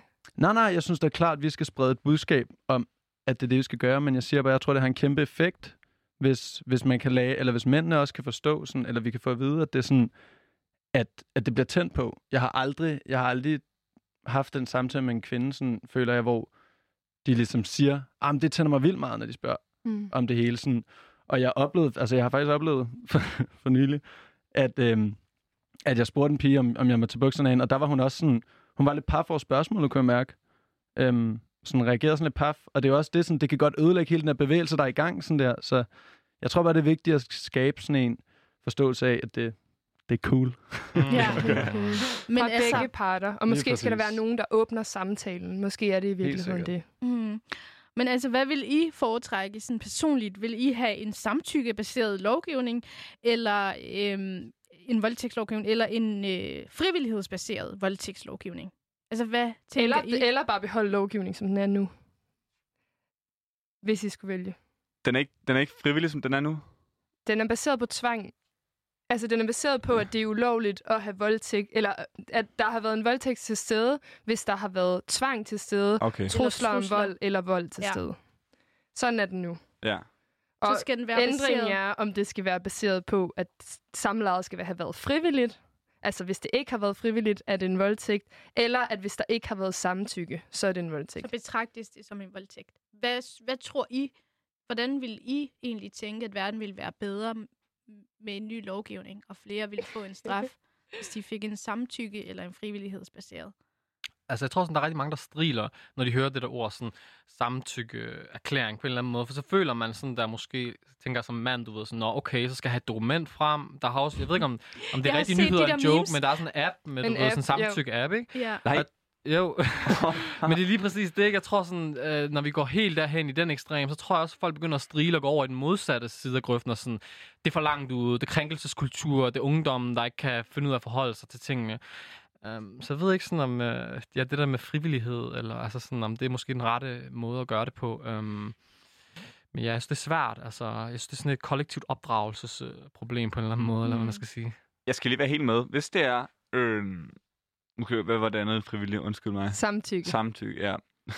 Samtykke Hvis- betyder, at der skal være udtalt samtykke. Ja, ikke? okay. Så frem... Man skal det have en aftale. Ja, helt klart, det. helt klart. Og det skal ikke være nødvendigvis, det skal ikke være skriftligt, det skal ikke være på skrift, det skal ikke være fysisk. Det er ikke diskuteret. Det, det, de jo, det skal de jo så forhandle om, hvordan det så skal fungere. Okay, fordi øh, altså sådan, gør det så reelt en forskel i forhold til i retten, hvem der kan, altså det vel stadig i sidste ende ord mod ord, i begge tilfælde. Ja. Altså, den, altså hvis, hvis den ene, altså, Men man undgår bare flere krænkelser, hvis man har aftalt det. Ja, det, ja, så det er kommer det jo ikke bag på en, at hey, det der, du skulle du ikke have gjort, fordi så har personen haft en chance for at sige Men, fra. men, men jeg tænker på, sådan, hvad med kvinder, som for eksempel, eller whatever, hvad med en person, som øh, giver sit samtykke faktisk, men så bagefter kommer ud af oplevelsen, og sådan, kan man trække det her samtykke tilbage igen, mm. ikke? Der er jo sådan nogle der faldgrupper, tænker jeg også, ikke? Ja, Altså ja, sådan, hvor lang tid gælder det ligesom? Lige præcis, mm. man kan jo Mm. nå at ændre sin mening. Ikke? Vi har, der er mange gange, vi har underskrevet et eller andet, og så 20 time, to timer senere har tænkt, fuck man, hvad, har jeg egentlig underskrevet, eller hvad Ja. var det egentlig, jeg sagde ja Mm, til, ja. ikke? Så sådan, hvordan navigerer man i det her? Det er jo sådan nogle regler, vi er i gang med at finde Ja. ud af lige nu jo, ikke? Mm. Altså, Men Ja. altså, vi skal, vi skal altså til at runde af nu, fordi Ja, vi har altså, faktisk... I behøver jo heller ikke svare. Jeg, hvis det, det var bare, hvis I havde Altså- altså, gået og tænkt på det her, så må de i hvert fald godt komme med et Jamen- bud. Fordi man behøver jo ikke, altså det er jo heller ikke i virkeligheden ikke op til os at skulle stå der og sige, det her, det foretrækker jeg. Øhm, Kan jeg lige slutte af med at knytte en kommentar til Elias? Ja, hurtigt? selvfølgelig. Jeg tror, jeg tror, det skal være en blanding. Jeg tror, det, det, er jo, det er jo klart. Jeg tror, vi alle sammen er enige i, det er klart, mest ideelle vil være, at vi taler sammen under sex, og vi kommunikerer, og vi får et klart ja, et nej, og mærker hinandens grænser. Men som Elias siger, hvis vi gjorde det, og som I snakkede om tidligere, hvis vi gør det fra den ene dag til den anden, så i weekenden, så er der masser af ulovlig sex. mm. Og lige pludselig Mm. så er retningslinjerne ændret, og det kan man ikke forvente, at alle lige kan tune ind på. jeg føler, at det skal være en fælles ligesom, kulturel ændring og en, og en opdragelse, og sådan, ja, at vi i fællesskab ligesom kan komme den retning, for det er klart den bedste løsning, Mm. synes jeg. Okay, så øh, lidt blandet, lidt, øh, det er selvfølgelig også øh, svært at tage stilling til det her, men jeg kan høre, at I er altså lidt, lidt usikre på det her. I synes, det er et svært område at tage stilling til, om og lovgivningen skal Altså, ændres. jeg er med der, hvor kvinderne er med. Det vil jeg bare lige sige. Der ligger min stemme. Okay? Okay, det bliver det sidste ord for i Thank dag. you. Øh, skud til Elias. Og Good så vil vi altså bare gerne øh, takke jer rigtig mange gange, fordi I vil, være med. Clemens Christian Balk Møller, Elias Zacharias Sadak Thank og you. Isak Hø Tak. Tak fordi vi måtte være med. Og vi skal høre et nummer nu, som øh, Elias har valgt, som hedder Oh shit! Leader of the Delinquents Yes. med Kid Cudi, Yes. som du har over, over, overtalt mig om er woke feminist. Så det, øh, Damn. Det er en kæmpe Thank banger. you. den Ja. ligger på Elias, hvis Uh, det I- ikke er tilfældet. I kan ikke se det nu. Marie har sin gold chains and everything Yeah. on. I'm ready. Jeg var klar til this moment. Den kommer altså lige Tusind, her. tusind tak, fordi I ville være med. Hey. Not a test. Check. Easy does it. Just my headphones a little bit. Easy does yeah. Hey. Hello, friends. Cutter again. Gotta smack 'em with some shit before the world ends. Same old denims, worn for days. I've been home making gems in many wonderful ways. I see many wondrous shades, peeking at the shadows of the new landscape. I've been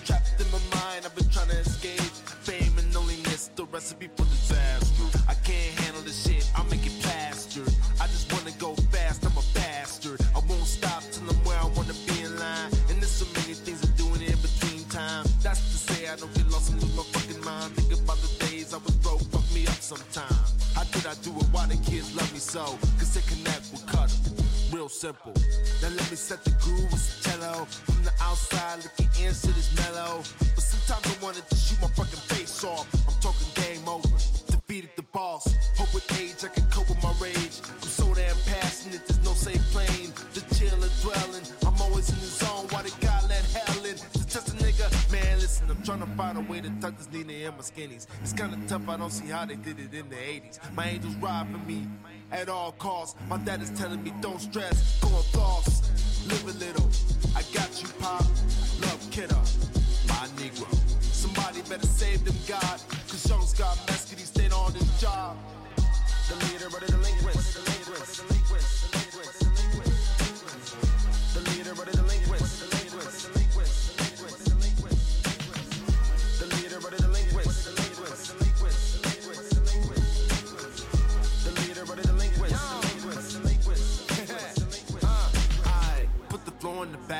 It sealed on them when I'm driving. Well, it depends, so many things to ponder. Broke up with this girl, she was tripping, couldn't understand my life in the world. I kept it stressing by. Man, celeste is pearl, bitch, people call it white. And that nigga even back when I was tripping off that white. A jealous motherfucker, that's the shit that I don't like. You got a girl, better love her, man, you better keep her tight. Because so many people living nerd. You ask about Cutter and I bet you fucking heard. Um, they call me legend and I'm feeling 26. You mad, you mad, you mad, Cutter and his bitch. I'm an unstoppable fucker from the my niggas be. Bumper first to the mud with my fam, drinking rolling tree. You see this walk, know my face. All hell, king, wizard in your motherfucking space. You love it.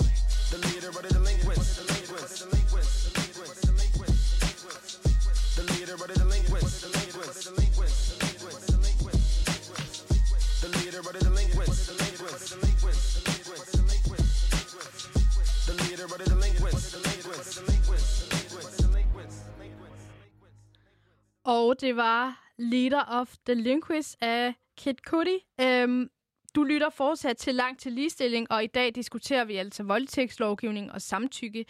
Øhm, vi har lige haft tre unge mænd og der øh, med her og øh, hørt om deres oplevelser med sex og grænser. Og nu skal vi faktisk til at høre om øh, fire unge kvinder og deres øh, oplevelser øh, med de her ting. Og det er øvrigt fire unge feministiske kvinder, øh, som Maria har lavet et interview med øh, for noget tid siden, som vi altså sætter på. Øh, Jamen, øh, læn dig lad os tilbage. bare, ja, lad os bare køre det. Altså, det er jo, det er jo spændende, det her. Og man kan jo, det er jo altid svært, den her debat med, hvorvidt er det woke at dele folk op. Hvor, altså, hvorvidt skal vi udflyde køn, og hvorvidt skal vi dele det op i køn.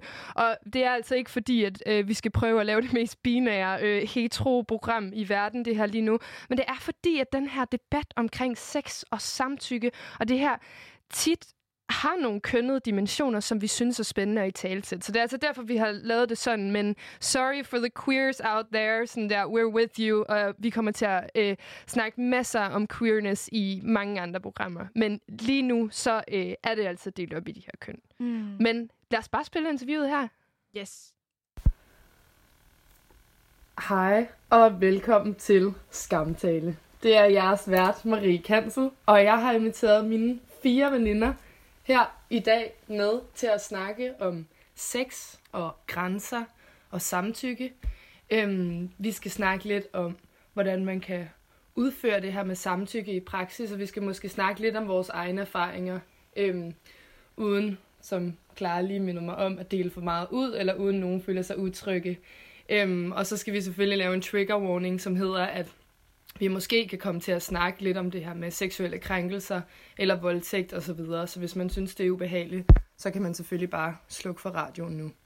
Øhm, men jeg har inviteret jer med i dag. Sabba Pejder, Nana Emtoft, Simone Katborg og Clara Bjørnbakker. Velkommen til. Tak.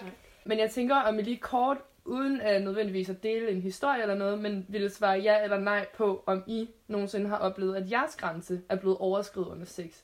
Altså haft en ubehagelig oplevelse, eller haft erfaring med det her med at få, at der sker noget, man ikke har lyst til. Jeg siger nej. Nej. Nana siger ja.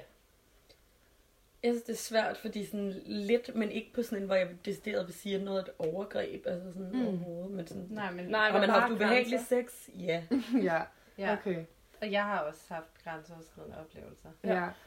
Og så har jeg så et spørgsmål, der vender om, tror I nogensinde, at I kommer til at overskride andre folks grænser under sex? Så svarer jeg nej. Nej.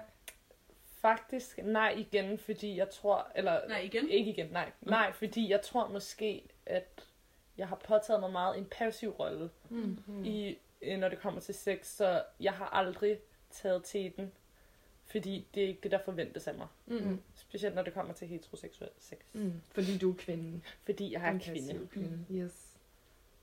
Altså sådan, jeg tror virkelig, at alting, sådan alt et grænseland, så sådan, det er overbevist om, at jeg er kommet til. Mm. Ja, altså jeg ved det, jeg har det lidt på samme måde som Nana, men, øh, men det er jo også i forhold til, hvad, hvad vi i tale sætter, og om dem, man har været sammen med overhovedet ved, at de synes, de bliver udsat for noget grænseoverskridende.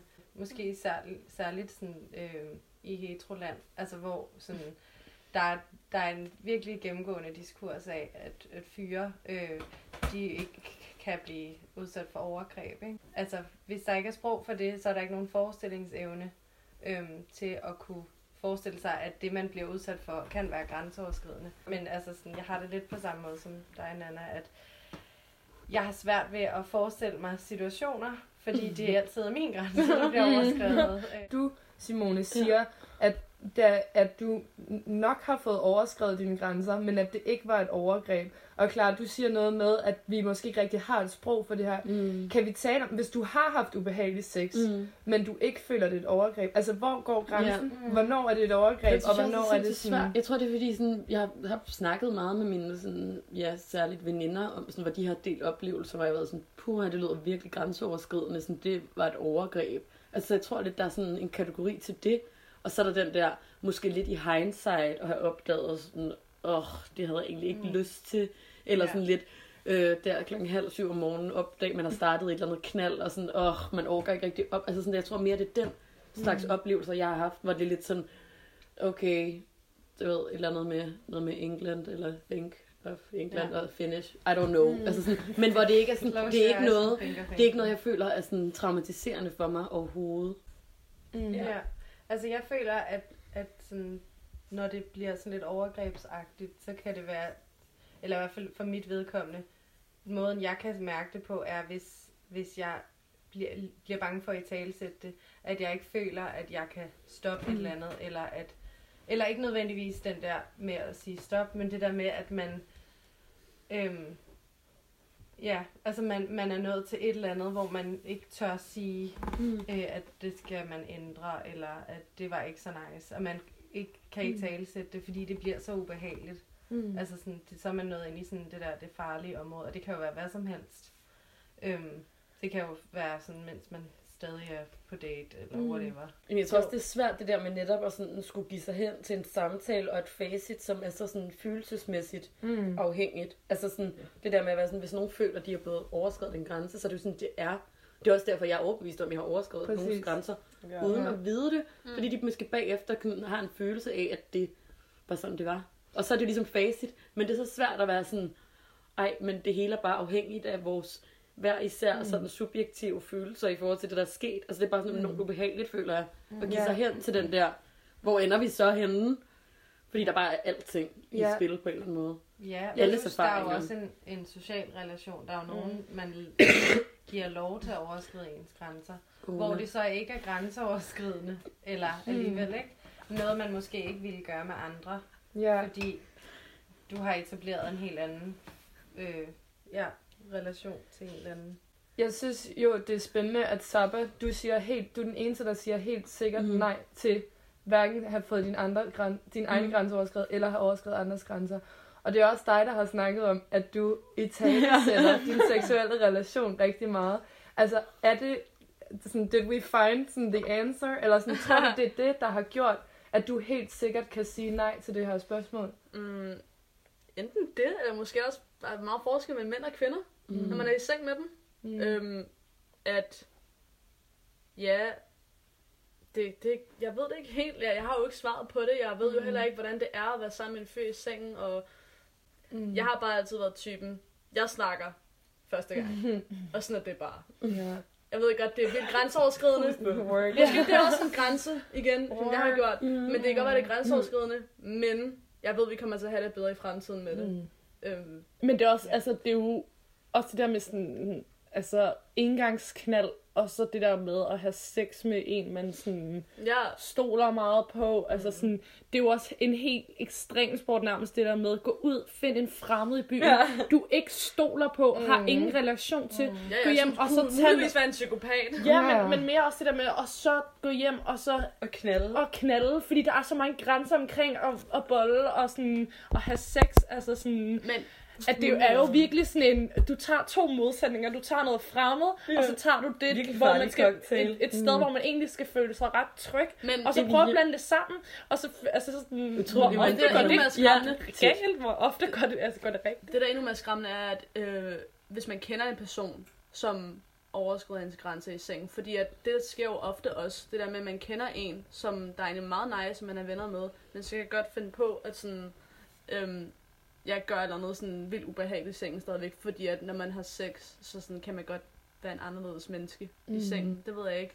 Så det, det kan jo også være muligt, Mm. i stedet for en one night stand. Mm. Altså, giver det mening? Det er også det, vi har snakket om, at de, de fleste voldtægter eller sådan overgreb sker med øhm, venner, folk man kender. Ja, med Venner folk, man kender. kærester, eller- Ja. Jo, men hvordan opstod den der tanke med, at man er en anden person i sengen, egentlig? Hvordan?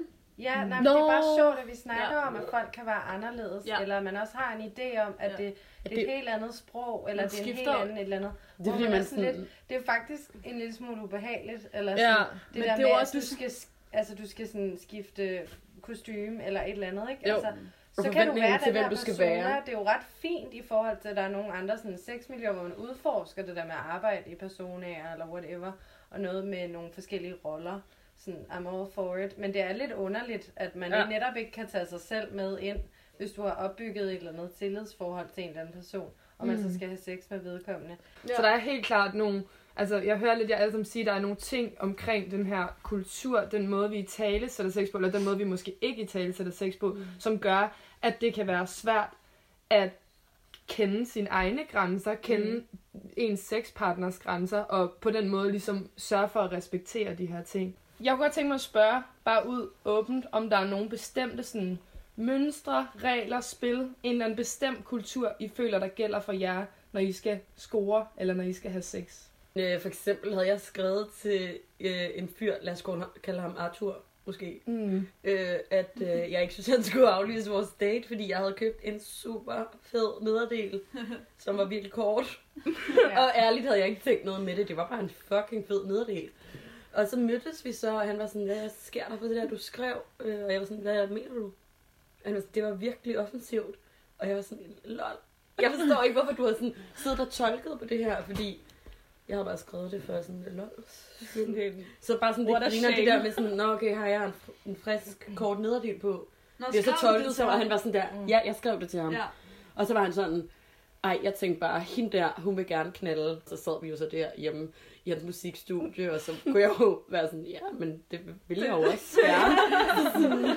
Ja, det vil han vel også gøre. Ja, ja, der er sådan der, but what is it? Ja, præcis, men lige den der... are we here? men sådan der, lige at skulle sådan sige, ej, du var også sådan, du ville gerne knalde, som om, at det er sådan en, ej, det ville være federe, hvis jeg havde scoret dig sådan lidt mod din vilje, eller sådan, Ja. hvorfor Ja. må man som kvinde ikke have sådan en institution om sådan, ja, jeg har tænkt mig at tage den her kort nederdel på, og så har jeg tænkt mig at sætte mig på din pik. Mm. Det må man ikke, eller hvad? så, der er lidt, så der er lidt forskellige regler, hører jeg dig sige, men ja. sådan, hvordan mænd og kvinder, bare lige på den sobre Ja. zone her, Ja. ikke? hvordan mænd og kvinder øhm, Men- må opføre sig. Og der synes jeg, det er jo spændende, fordi Saba og Nana, I er jo kærester med hinanden. Mm. Så I er two girls together. Ja. Spændende, om I føler, I behøver selvfølgelig ikke dele ud af jeres eget sexliv, men om I føler, der er andre regler, der gælder for jer. Altså, jeg har jo prøvet, jeg har jo været sammen med både mænd og kvinder, og jeg kan da hvert fald tydeligt mærke, at der er forskel på, hvordan man i tale sætter sex. Og hvordan er det? Jamen, det er bare, at vi i tale sætter. det gør man ikke med. Nej, eller sådan, jeg tror, altså sådan, uden at det bliver for personligt, så tror jeg, jeg synes, det var super grænseoverskridende til at starte med, at du spurgte mig direkte, hvad jeg godt kunne lide, Mm. og hvad jeg gerne ville have. Ja, det er rigtigt. Du, det var meget sådan, jeg spurgte dig meget sådan, hvad så? Hvad, hvordan er du som person i sengen? Altså sådan, jeg var meget sådan, hvad, hvad kan du godt lide, og hvad kan du ikke lide? Og der gik du sådan lidt i stå, fordi du vidste ikke, hvad du skulle svare på. Det har jeg aldrig sådan, jeg har aldrig spurgt det før. Jeg har jo haft sådan en mandlige partner Ja, og jeg, før. Sådan. og jeg har altid snakket om sådan, hvad der er nice og hvad der ikke er nice for både mig og den person, jeg har været sammen med altid. Men jeg tror også, altså sådan, med andre partnere, som har været mandlige partnere, har det været meget det der med, det er det usagte, der er det sexede. Mm. Altså det der med, at ej, han kunne gætte sig frem til, at jeg godt kan lide at blive rørt. Eller sådan, mm. du ved sådan, wow, he guessed it, what, what a champ. Eller sådan, Ja, ja. Hvor at sådan, jeg har altid haft den der, jeg har altid haft en tanke, at hvis jeg først begyndte at sige, nej, lidt mere til højre, lidt mere op, lidt mere ned, eller sådan, så ville det ødelægge øhm, hele stemningen og Mm. magien, hvor at det, altså, det gør det jo ikke. Altså, Mhm. sådan, Overhovedet ikke. Fordi man får mere ud af det. Altså, sådan, Mm. Jeg føler lidt, man kan også godt spilde noget tid ved at have sådan nogle stille knald. Altså, kan man også sige, at det, er det bundet op på kønnene, hvem der må have hvilken rolle? Altså, har kvinden en bestemt rolle i forhold til manden, eller er, det, er I begge to lige gode om at lave det her spil, der ligesom er usagte? Eller hvor det skal være tilfældigt, eller så videre? Jeg tror, altså, jeg tror, at man måske altså, er lige gode om det, Mm. mm. meget hen ad vejen. Altså sådan det der med, at det er en fortælling, vi har haft, altså sådan fået, det der med, at at det skal være, øhm, at det der god sex, det kommer fra noget passion og, og noget kemi, som er ikke er nødvendigvis noget, man i tale sætter, men noget, der kommer bare, det er noget, man ved.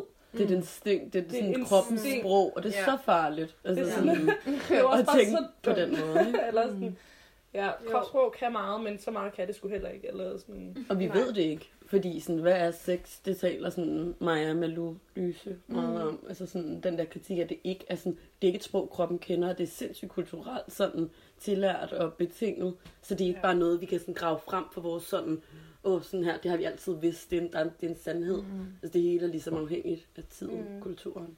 Ja, og jeg tror også, altså i forhold til sådan noget med samtykke, eller hvis vi skal sådan nå derhen på et tidspunkt, at i hvert fald i forhold til sådan spillereglerne i sådan noget heterosex, er det meget den der, du har plus og minus, ikke? Du har en Mhm. aktiv, en passiv, du Mhm. arbejder i de her sådan lidt binære modsætningspar, mm. øh, som jo stammer helt tilbage fra sådan biologiundervisning og Mhm. seksuel undervisning i forhold til sådan der dine kønsorganer, der passer sammen på den her måde. Ja. altså, det Sex er virkelig på penetrerende. Præcis. Ja. Alle de der ting, det skaber så også nogle forventninger om, Mm. sådan, hvem der er den aktive, og så Mm.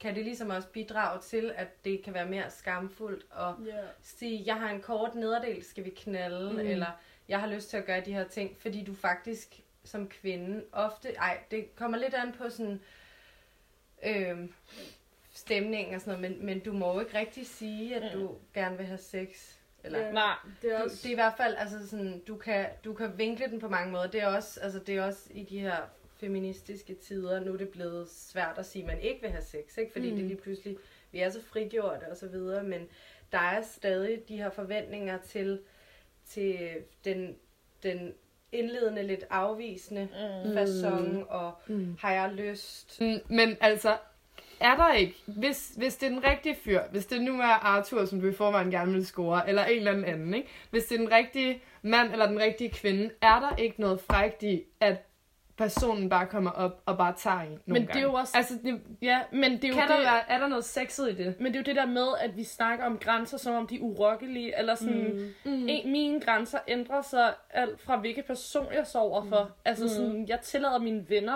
at, at overskride nogle, eller ikke overskride, men ligesom at gå tættere på mig, som måske ville være mega overskridende, hvis det var en fremmed, der gik tæt på mig, mm. eller sådan nogle ting.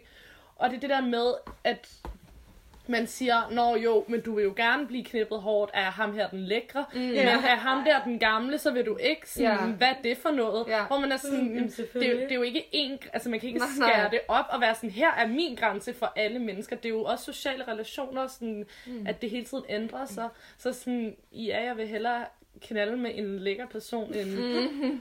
en ikke så lækker person. Altså sådan, og det synes jeg er okay, eller sådan, det er ikke mig, der er dobbeltmoralsk, eller sådan, Nej. det er bare mig, der har en grænse, som rykker. synes jeg skal jo bare jeg øver sig at read the room. Altså sådan, det kan da godt være sådan, måske skal vi sådan omlægge den der fantasi, og så kommer der bare den her nu lækre person hen og sådan tager en. Mm. Mm. Altså sådan, er det lige så frækt, hvis man lige har sådan haft noget øjenkontakt, og personen kommer hen og sådan der, fuck, jeg har lyst til at knippe dig på toilettet, eller sådan. Plus i forhold til den der forestilling om den her person, der bare fejrer benene væk under en, er jo også noget, vi har lært. Så vi har også lært mm. måske at tolke det som noget frægt. Ja. Mm. Øhm, og det er jo ikke sikkert, at vi alle sammen synes det. Men det er jo klart en fantasi. Altså sådan, alle har deres... Eller nogen har deres kinks og whatever. Men, men der er bare rigtig meget af, af det, som er sådan... Ja, prædestineret gennem alt det kultur, vi sådan konsumerer, og alle de film, vi ser, og de historier, vi fortæller hinanden. Og det, altså, og, Ja. og det er bare virkelig svært at rokke ved, ikke? Men det, men det bliver endnu sværere, når man så indser, at alt det, man går rundt og tror, man kan lide og ikke kan lide, det er jo bare, det har du ikke selv besluttet. Så når man får spørgsmålet, hvad, hvad kan du godt lide, kan det jo ligesom også sådan, så er det virkelig sådan, you don't even know, så er det den der meme med den der hjerne, der eksploderer, fordi man er sådan, Nå, men jeg kunne godt fortælle dig, hvad jeg ved, at jeg skal kunne lide, Ja, mm, og hvad jeg i princippet godt kan lide, som jeg reagerer sådan her på, fordi jeg har fået at vide, at det er det, der er nice. Og sådan en, du spørger mig, fordi du gerne vil tilfredsstille mig, mm. og, og gør du det, fordi øh, du, du vil gerne vil have, at jeg skal fortælle dig, hvad jeg godt kan lide, eller gør du det for netop at, sådan, at, at sende det her signal, og så sender jeg et andet tilbage. Intet af det er sandt, Mm. måske. Det er bare stadig en del af scoringen, måske. Det er en del af Ja. scoringen, måske. I don't know, hvornår, hvornår den sådan bliver reel, den der samtale, men altså... Til sidst, så måske, nu har vi snakket meget om, øh, hvordan man får overskrevet grænser, og mange af de her problemer, der ligesom er i den her scorekultur, og det her sex og sådan noget. Og til sidst, så måske med, fra lidt mere sådan en, øh, et positivt syn, og sådan, hvordan kan man så konkret udføre det her samtykke under sex? Fordi det er lidt det, jeg hører, Mm. jeres konklusioner er ligesom med at tage i talsæt de her ting, med at Mm. overveje, hvad er det for nogle ting, vi har fået indlært gennem film og tv-serier osv. osv. Overveje, hvilken kultur det er, man ligesom bliver ved med at sådan reproducere. Men hvordan kunne man så helt konkret på Tinder med sin kæreste i byen, det her med Ja. at få et konkret samtykke under sex? Altså, jeg synes, at, at vi skal aflive den der myte om, at det er usekset at snakke sammen, når man har sex.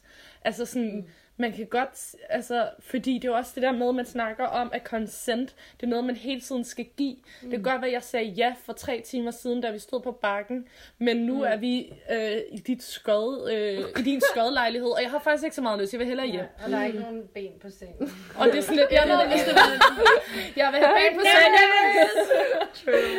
Ej, men det er mere det der med sådan, at ja, jeg kunne godt have sagt ja før, men jeg kunne også godt fortryde, og det gør mig ikke til en dårligere person, eller sådan, det gør det ikke mindre øh, forkert, så at du overskrider mine grænser. Sådan, man må hele tiden, man skal hele tiden revurdere det, og det handler nemlig også om at tale, mens man har sex. Mm. Mm. Og sådan, er det her okay for dig? Hvad vil du gerne have nu? Eller sådan, kan du godt lide det her? Sådan, det er bare rigtig, rigtig rart at føle sig tryg og sådan hørt. Are er bare det, jeg har sagt til hende. Ja, det er sådan, you taught me everything. Ja, det er det sådan det, vi alt det, jeg har sagt til hende, da vi datede. Man skal følge ja. arbejdsråd og tale. Men jeg synes, at ja, øve sig i at snakke. Ja, fordi at, hvis du ikke havde mødt mig, ville du, tror du så, du ville stadig kunne tænke det? Nej, Okay. overhovedet ikke. Nej, ja, ja. You taught me everything. Men det er sådan, jeg har totalt sådan mm, virkelig lavet om på min egen indstilling om, hvordan man har It's a sex. whole new world. Ja. A whole new world. Ja, ja, ja. ja. Men, øh, hvad med, altså der er jo også øhm, forslag om sådan der, fordi nu snakker du om i talesæt samtidig. Mm. Der er jo også forslag om kontrakt, en app, Vi skal hvor lave man en app. ja. Alle de her ting. Hvad siger I til nogle af de sådan, Men igen, mere så bliver det det konkrete der- fysiske så bliver det bindende. Altså igen, som Ja, om, at, det sådan, altså, at grænsen er én ting, og nu har du sagt ja, og skal man så hænges op på det? Altså Ja. sådan, ja, det kommer, that's not gonna Man kan, work. ja, man kan Vi skal bare øve os i at i tale sætte det, så sådan, vi kan godt snakke om appen mm. i princippet. Men det er jo også derfor, at vi ved jo ikke helt, hvordan konkret den her nye lovgivning kommer til at virke i praksis, men altså, det er jo en start i hvert fald på at i tale sætte det. Mm. det der Ja, med folk er frivillig. man kan jo sagtens Ja, godt, altså. ja, hvis ikke binde, så man kan jo sagtens godt komme i gang, altså være i gang med at have sex, og så sådan være sådan, ah, jeg er Ja, ikke jeg in the mood anyways, man Ja. troede man var, men man er ikke alligevel, sådan, det kan man jo også godt, og så er det cool nok at være sådan, lad os bare se noget film, eller spille noget Playstation, whatever, sådan, Mm. altså. Skal man have en app, der piper hver andet minut? Altså, har du stadig lyst? Ja, is it okay, is it okay? Ej. Ja. Men jeg tror også, vi sådan der til at starte med, sådan også skal prøve at frigøre os lidt af de der roller, med sådan, måske at være Mm. den passive og den aktive, og måske starte med at erkende, at jeg også overskrider folks grænser. Altså sådan, Ja. Så det er ligesom, så det bliver mere okay, at alle i tale sætter, og det ikke kun er sådan, ej, nu er det bare mig, der går rundt som en passiv og skal sige stop, fordi jeg nok bliver udsat for noget. Mm-mm. Altså, vi må også sådan tro på sådan sprogets magt.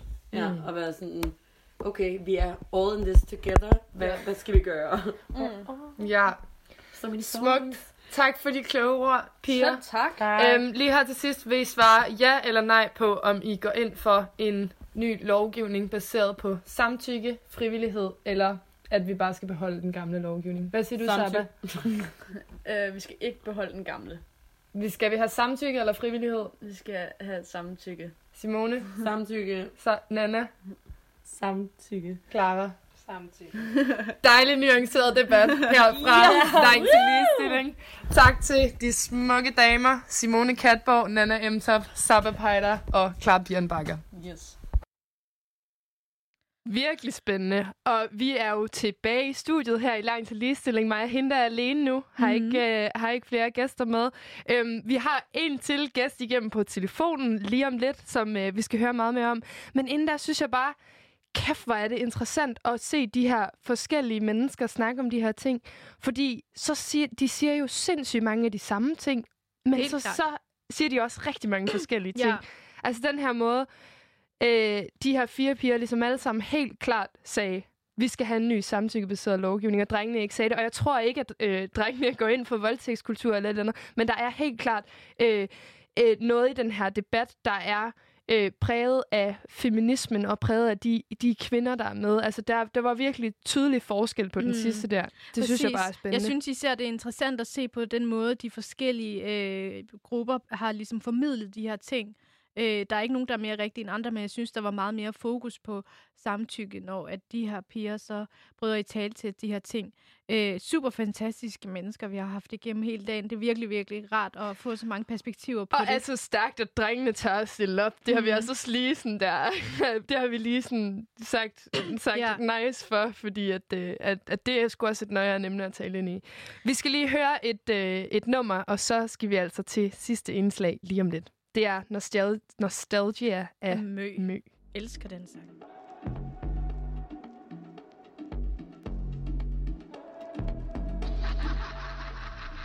I remember the first time I was in love. It was all the way back in 1997. I stole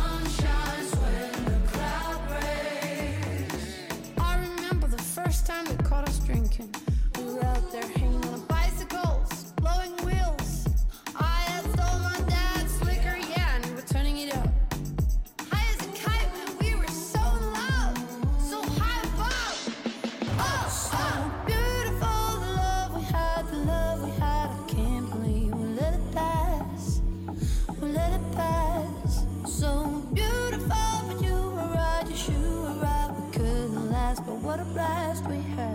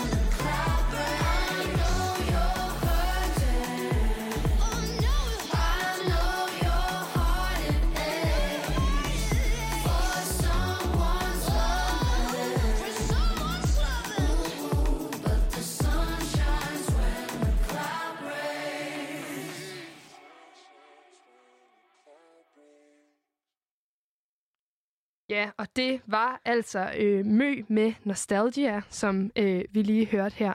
Og nu har vi jo faktisk øh, fået en gæst med i studiet. Yes. Er du med os, Helena? Ja. Hej. Super. Tusind tak, fordi du vil være med. Jamen, det var så lidt.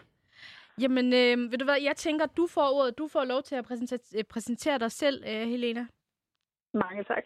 Jamen, øh, mit navn er Helena, og jeg er konstitueret forkvinde for Dansk Kvindesamfund. Mm. Super fedt. Jamen, øh, velkommen til. Jeg vil gerne høre, altså, hvad går dit arbejde ud på? Øh, og altså, hvad laver du øh, i Dansk Kvindesamfund? Jamen, øh, jeg har jo siddet i Dansk Kvindesamfundsstyrelse i rigtig mange år nu. Jeg har også arbejdet på en af Dansk Kvindesamfunds krisecenter. Mm. Øh, dengang jeg lige var nyuddannet. Øh, jeg har en øh, kandidat i noget europæisk studier og det ene og det andet, og ligesom sådan øh, komme rullende ind for højre ind i alt det her med feminisme og kvinderettigheder og så videre. Mm. Øh, men øh, jeg har faktisk i mange år arbejdet med man sige, øh, vold- og voldtægtsområdet, øh, og har i mange år nu også været øh, involveret i kampen for, at vi får en ny samtykkebaseret voldtægtslovgivning. Ja, lige præcis. Øh, ja, så har jeg jo selvfølgelig en del år været næstforkvinde, og nu er jeg så konstitueret forkvinde i Dansk Kvindesamfund. Mm. Øh, og det er jo så her, at øh, en af mine helt store øh, hjertebørn er netop, at vi får den her samtykkelovgivning, fordi det er så stort et øh, problem. Lige præcis. Jamen, øh, det er super sejt. Hvorfor synes du, at en ny øh, voldtægtslovgivning er en god idé lige præcis nu? Jamen, det er vigtigt af flere årsager faktisk med en ny øh, med lov. Det er både fordi, at øh, som sagt, voldtægt er en af de største ligestillingsproblemer, vi har. Vi har kæmpestore mørketal. Vi har omkring øh, 5.400 kvinder, der er udsat for voldtægt hver år. Øh, ud af dem øh, er der ca. 1.079, der anmelder til politiet. Øh, og der er der cirka kun øh, 90, der fører til dom. Mm. Det giver altså et kæmpestort gab mellem både mørketallet, men også øh, antal formodede øh, voldtægter og voldtægtsforsøg og antal dømte. Øh, der er simpelthen alt for få, der anmelder, og der er en meget, meget stor straffrihed øh, på voldtægt. Det er næsten straffrit faktisk at begå voldtægt i Danmark. Øh, og det er jo forstemmende, fordi det er jo en af de mest øh, farlige øh, kriminalitetsformer, vi har. Og den har i høj grad sådan en kønnet slagside. Så er det også vigtigt med en ny lovgivning, fordi at den ligesom øh, cementerer retten til at bestemme over ens egen krop. Lige nu er loven jo udformet på den måde, at øh, den er volds- og tvangsbaseret. Altså, der skal have været vold involveret, for at man kan bevise det i voldtægt. Mm. Ens krop er tilgængelig indtil øh, man skal sige nej som offer øh, og beskytte sin død. Så der ligger altså også noget gammeldags kønsrollesyn på, øh, hvordan voldtægtslovgivningen er udformet. Derfor vil vi rigtig gerne have den øh, formet, så den bliver samtykkebaseret, så det simpelthen er begges, begges øh, ansvar at sikre sig, at der er sikret samtykke, at begge to siger ja, øh, og at øh, man først er tilgængelig, når man giver samtykke øh, til ens krop. Så derfor, ja, det er jo bare lige to af de største årsager til, at vi skal have en ny øh, voldtægtslovgivning. Lige præcis. Og det er som om, at øh, du siger alle de ting, som vi har tænkt på, for det er lige, du siger det bare meget klogere, men det er lige præcis det, vi har øh, stået og øh, øh, diskuteret hele dagen, så øh, det er en rigtig god, øh, det, det er nogle rigtig gode idéer. Øhm, Helena, hvordan tror du, vi kan ind, få indført den her voldtægtslovgivning i praksis? Jamen, øh, det, der er jo rigtig mange, der er bange for, at det her er for svært, og det ikke kan lade sig gøre. Men øh, det kan jeg sige øh, meget klart, at det, øh, den frygt behøver man ikke have. Det er nemlig sådan, at i ni andre lande i Europa har man faktisk en, en samtykkebaseret voldtægtslovgivning, og det der minder meget om. Mm. Øh, I England har de haft det i rigtig mange år, og i Sverige har de også haft det i over et år nu, øh, hvor det fungerer rigtig godt. Mm. Øh, så rent øh, juridisk og retspraksismæssigt er det bestemt noget, vi kan gøre. Så er det så også faktisk noget, vi har lovet, vi vil gøre og indføre, da vi netop øh, ratificerede Istanbul-konventionen. Den siger nemlig, at man øh, skal have samtykke øh, til sex. Øh. Så det vil være rigtig godt at få den her lovgivning. Øh, grunden til, det også er vigtigt, at det er en samtykkelov, det er, at øh, hvis det kun øh, handler om frivillighed, og det er selvfølgelig lidt øh, langhåret og lidt juridisk det her, det er, at øh, hvis det er en frivillighedsbestemmelse, så øh, kan man i kan man sige, den lovtekste katalog, der blev sendt ud på nogen år 200, var det 64 sider øh, fra straffelovrådet, så vil i øh, visse tilfælde, hvis øh, den ene, for eksempel kvinden, øh, er passiv, så vil man kunne tolke det som om, at hun havde samtykket til sex. grunden til, at det ikke er godt, det er, at øh, i mange af de voldtægtssager, man ser faktisk i 70 procent øh, af tilfældene, har en svensk undersøgelse vist, der er det meget almindeligt, at man øh, simpelthen fryser, øh, og man bliver bange i, i Mm. øjeblikket, og derfor ikke kan kæmpe imod og mm. ikke sige fra. Øh, så derfor er det meget vigtigt, at ansvaret ikke kun ligger over på den ene til at sige fra og kæmpe imod og sige nej, fordi det er ikke alle, der kan gøre det. Det er ofte meget svært. Derfor er det vigtigt, at det øh, bliver ansvarets begges ansvar, at man skal sikre sig ja, og det kan man enten gøre ved ord eller handling. Lige præcis. Øhm, og ved du hvad, hvad hedder det nu? Der er faktisk mange ting, som jeg ikke vidste øh, i forhold til, eller øh, nu, nu når du siger alle de her ting, så jeg bliver faktisk også rigtig klog på det her. Øhm, bevisbyrden ligger jo stadig på offerets skuldre. Hvordan kan vi få, øh, altså hvordan tænker du, øh, vi kan få flere voldtægtspersoner dømt? Mm. Jamen, det er jo rigtig godt, at vi har det retsprincip, der hedder, at man er øh, uskyldig indtil modsatte bevis. Det øh, skal vi holde fast ved. Det er rigtig, rigtig godt. Øh, men øh, det, man snakker om, det er, at man øh, flytter bevistemaet lidt øh, i de her øh, voldtægtssager. Så fra at det kun er fokus på, hvad offeret sagde og gjorde og kæmpede imod, der skal have været vold involveret, så flytter man fokus på at spørge begge to, hvad gjorde du for at indikere, at du havde lyst, eller hvad gjorde du for at spørge indtil, at den anden havde lyst, eller ville det her og var med på det?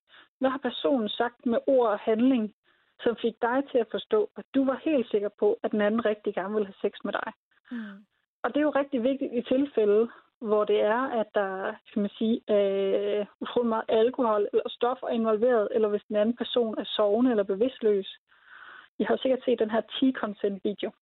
Øh, og det er jo samme med, at man hælder jo ikke øh, varm te ned i halsen på folk, der er faldet i søvn på sofaen, selvom han har inviteret dem over til te-selskab. Mm. Så Det, det er faktisk et rigtig godt eksempel. Og modargument til dem, der siger, jamen det kunne jo tolkes som om, at... Øh, Ja, men det er det. Og det, det, og det er jo det, når en person er bevidstløs, øh, enten fordi de har øh, drukket alt for meget øh, øl, eller hvad det er, og, eller hvis man simpelthen er faldet i søvn, øh, så skal man jo ikke begynde på noget øh, med den anden, selvom man havde sagt, det, inden man måske gerne ville. Så skal Mm. man jo lige sikre sig, at den anden er med på det. ja, Øh, og det er jo de her sager, at det er rigtig, rigtig, øh, rigtig godt, at begge to ligesom bliver spurgt ind til, hvad gjorde du for at sikre dig? Mm. Og en anden del er også, at man ligesom flytter fokus på det her lidt gammeldags øh, kønsrolle øh, syn med, at det er ofte kvindens opgave at beskytte sin dyd, Mm. og at man skal sige nej, og man skal helst kæmpe lidt imod. Øh, det har vi jo også stadigvæk i dag, det der med, at man skal helst ikke blive opfattet for billig og for let, Mm. hvilket også er noget totalt gammelt øh, kønssyn, som Ja. godt må høre fortiden til. Så vil vi hellere have, at det er begge, der skal spørges, og at det ligesom også, man sikrer sig, at det er noget, begge har lyst til, øh, og man tæller simpelthen også øh, kvinders seksualitet op. Og det der med, at i stedet for, at man skal sige nej og beskytte sin dyd, så vil vi gerne frigøre seksualiteten og sikre sig, at man gerne må tale det op, og man Mm. siger aktivt ja. Lige præcis. Øhm, og lige her på falderæbet, øh, Helene, har du et forslag til en god replik, når man skal spørge om samtykke i sengen? Jamen, det kan jo øh, gøres på rigtig mange måder. Mm. Øh, det er jo som sagt både ord og handling, at man tager fat i hinanden, øh, at man måske øh, forsigtigt spørger, hvis man er i tvivl. Altså, det er altid et godt udgangspunkt øh, at spørge, må jeg det her øh, føles det dejligt? Er det lækkert? Kunne du tænke dig? Øh, og man kunne også bare være, altså hvis man tør være helt åben og sige, ved du hvad, jeg har simpelthen så ustyrligt meget lyst til dig. Mm. Øh, det er da altid dejligt at få at vide, at man er begæret. Så jeg tænker, at det, øh, det er en god vej frem. Tusind, tusind tak, Helena. Alt det her, du siger, det er en rigtig, rigtig god sammenfatning af alt, hvad vi faktisk har talt om i dag. Så det er jo virkelig, perfekt. virkelig smukt. Øhm, er der noget, du gerne vil sige? Er der noget, du føler, at du mangler at sige lige her, inden vi øh, slutter? Jamen, øh, på Dansk Kvindesamfunds vegne, så øh, vil jeg sige, at vi glæder os rigtig meget til at få den her øh, samtykkelovgivning. Det er et meget stort skridt på vejen, mm. men det er bestemt kun det første skridt, fordi vi skal have meget mere og meget bedre seksualundervisning. Lige præcis. Øh, og vi skal også have en efterforskningsenhed i politiet, der er specialiseret i det her. Lige Det var bare to ting mere, vi skal, for at vi kommer i mål. Personligt... Og kæmpe fucking preach Ja. dertil. altså, you go, Helena. Sådan.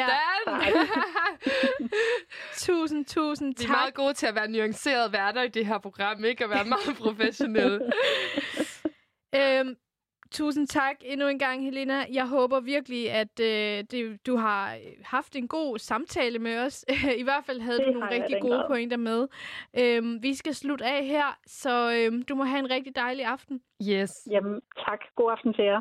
Mange tak. Og vi ja. slutter der altså lige af med det her nummer af Nicki Minaj, som i den grad er en kvinde, der tager sin egen seksualitet seriøst, der tager sin egen seksualitet i hånden og simpelthen bare ikke er bange for at snakke om alle de her forskellige rapper, hun har knaldet med i det her nummer, som hedder Barbie Dreams. Den vildeste freestyle af Nicki Minaj kommer altså her.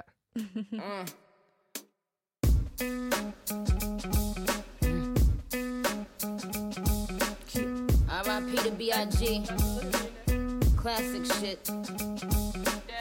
Looking for a nigga to give some babies. A handful of Wheezy, sprinkle of Dave East. Man, I ain't got no type like Jimmy and Sway Lee's. But if he can't fuck three times a night, peace. I tried to fuck 50 for a powerful hour. But all that nigga wanna do is talk power for hours. Beat, beat the pussy up, make sure it's a KO. Step your banks up like you moving that yayo. Somebody go and make sure Carucci okay though. I heard she think I'm trying to get a coochie to Quavo. They always wanna beat it up, goon up the pussy. Man, maybe I should let them auto tune up the pussy. All these bow wow challenge niggas lying and shit. Many Fetty Wap niggas stay eyeing my shit. Drake worth a hundred million, always buying me shit. But I don't know if the pussy wet or if he crying and shit. Meek still be in my DMs, I be having to duck him. I used to pray for times like this. Face ass when I fuck him. Man, Uzi is my baby, he ain't taking the L. But he took it literally when I said go to hell. Used to fuck with Young Thug, I ain't addressing the shit. Ca- Caught him in my dressing room, still in dresses and shit. I used to get this nigga with a lisp, testers and shit.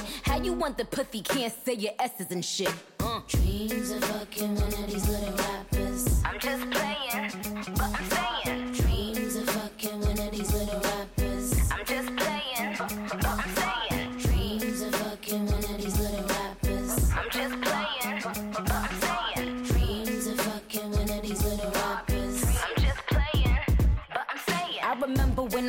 have a crush on special ed. Shout out designer, cause he made it out of special ed. You wanna fuck me, you gotta get some special head. Cause this pussy had these niggas on some special meds. Like Mike Tyson, he was biting my shit. Talking about, yo, why you got these niggas fighting this shit? On the real, I should make these niggas scrap for the pussy. Young and main lady luck, get the for this pussy. Uh. And I woulda had Odell Beckham banging the cake Till I saw him hopping out of cars dancing to Drake. I been a five star bitch man, word to Gotti. I'ma do that nigga future dirty, word to Scotty. Had to cancel DJ Khaled, boy, we ain't speaking. Ain't no fat nigga telling me what he ain't eating. YG in the game with the hammer yelling gang gang. This ain't what I meant when I said a gang bang. Takashi won the Minaj, I said Treyway. Curved him and went the Kim and Kanye way M cop the Barbie dream house, then you can play the part. I, I ain't trying to bust it open in the trailer park. Dreams of fucking one of these little rappers. I'm just playing,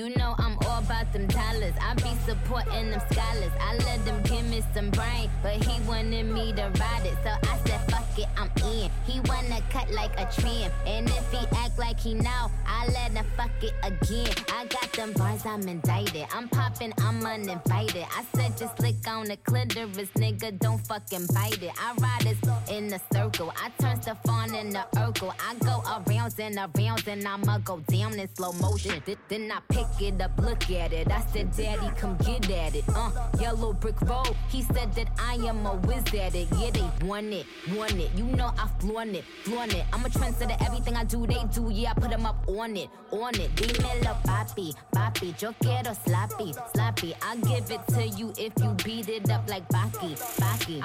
I'm a killer with the shoe, no cylinders in the roof, and I'm at me to lose. 12 cylinders in the coupe. I get down with the chrome, no telling when I'ma shoot. I just bang, bang, bang. Real killers is in my group, gorillas is in my unification, and where it's human, and I shine, shine, shine. Got diamonds all in my Cubans, I'm in LA times more than when niggas looting, and my flow spit crack. I think that nigga using, he done bodied everybody, ain't closing these bitches losing, using, using, up My bitch moving. No, I ain't studying, no, I ain't roving.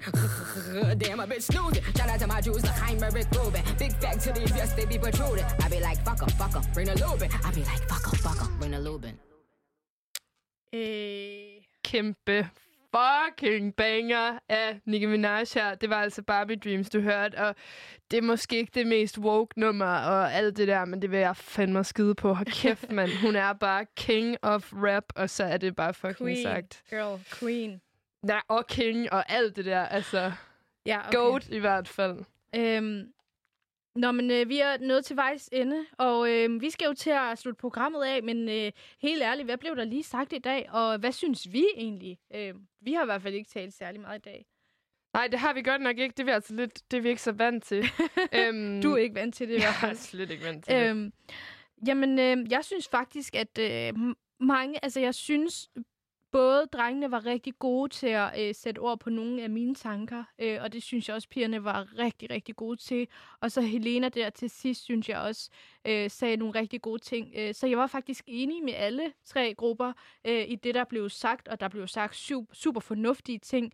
Øh, jeg ved godt, at øh, men øh, de talte jo ikke på vegne af mig, og øh, omvendt, jeg er heller ikke enig med, i, med dem i alt, hvad der blev sagt øh, på den måde, at der var også nogle ting, hvor man tænkte, åh, men det her, det er jo ikke et debatprogram.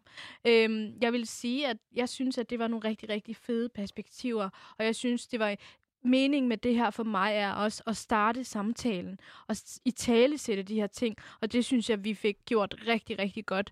Øhm, så det synes jeg virkelig, øh, jeg nød rigtig godt af, og øh, det er jeg super taknemmelig for, at der har været så mange seje unge mennesker til at i tale til de her ting. Jeg vil sige lige præcis, fordi altså for, for mit vedkommende, så har jeg det sgu sådan, og det må jeg være ærlig at sige, jeg kan simpelthen ikke se, hvorfor vi ikke skulle have en samtykkebaseret voldtægtslovgivning.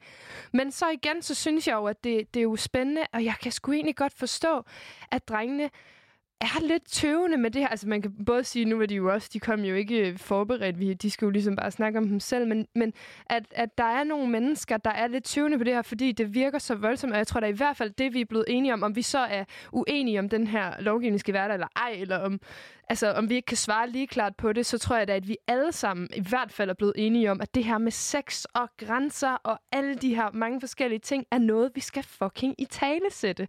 Altså, det er jo det, det er jo bare det, det hele handler om. Vi skal ændre vores sexkultur. Vi skal snakke sammen, når vi knaller. Vi skal sige, hey, jeg har lyst til fucking at knippe dig hårdt lige nu øh, bagfra med den her dildo. Og hvis Lige du ikke har lyst udsagt. til det, så er det også fair. Altså Ja. sådan der, ikke? Ja. Altså, det er bare det, vi skal gøre. Ja, det er rigtig, jeg synes, det er rigtig fint at sige, ja, det respekterer jeg, selvom vedkommende har sagt, det har jeg ikke lyst til, og man har lyst til, og man alt i ens krop siger, at man gerne vil have sex lige nu, men man skal fucking respektere, at den anden person ikke har lyst til det. Ja, og det er op til alle parter at sikre sig, at den anden har lyst, at de andre, der er med, har lyst til at være med til det her. Det, bliver vi, det er derfor, vi skal tale sammen. Vi skal spørge hinanden. Så får vi altså bare et bedre sexliv. Plus, hvem hader ikke at ligge der og blive, øh, få, øh, blive pillet i et eller andet, og det føles ikke rart, fordi at man ikke lige rammer klitoris ordentligt og et eller andet, så skal vi sgu snakke Shade. sammen. Altså, Du shadede I'm en not øh, shading gruppe anyone. der. Det var Elias. Jeg lagde det, lå det være op til Elias at shade sin ekskæreste. I don't do that. Måske, måske lidt. Men altså. Altså, jeg er altid klar på at shade mine eks-venner og eks-kærester og og eks-crushes. anyone, altså. Nå, det var ikke det, det skulle handle om. Tak til alle, der har været med i dag, og tak til jer, der lytter med. Og gå endelig ind og skriv til os på Instagram, Sign Radio. Øhm, og så kan I jo lytte til det her program på alle podcasttjenester, øh, Spotify osv., eller inde på signmag.dk, eller her på Radio Loud klokken 00 til 02. Yes. Og så er der vist ikke andet end at sige, øh, det var Marie Kansel. Og, Og, hende der er jo lat. Det var alt, hvad vi havde på programmet i dag. Øhm, vi håber, du nød det. Skriv til os, hvis der er noget, du er uenig i, eller hvis du er enig med os. Og øh, vi lyttes ved næste torsdag. Skriv også til os, hvis du har forslag om ting, vi kan snakke om. Du må have det dejligt. Pas på dig selv. Stay woke. Stay woke og stay uh, communicating. Ja. Yes. Og nu skal vi høre Attitude Problem af Silvana Imam og en masse andre forskellige nice rapper, som er gået sammen på det her Elsker nummer. Silvana. Elsker hende. Der er Isabel med viskestemmen sin. Hei sann, lille nykommer. Har du rulla med de store gutta før? Nei, fuck de store gutta. De nekter kred til Isa, men har hatt Clips, MOP og Master Ace i minibeatsa. Kan ikke anmelde rap uten å følge din mal. Nissefar, jeg driver Norges største hiphopfestival. Disse rapperne så sulten vil ikke gi meg respekt. Spis kaka da den taper, Marie Antoinette. Fjordland-rappere, jeg spiser de, helt ærlig. Du er ferdig. Hver dag, ah. Jeg tjener litt spenning, spenn. Jeg trenger ikke en ny venn. Aha, og jeg skal det fuckings orkester. Du klarte det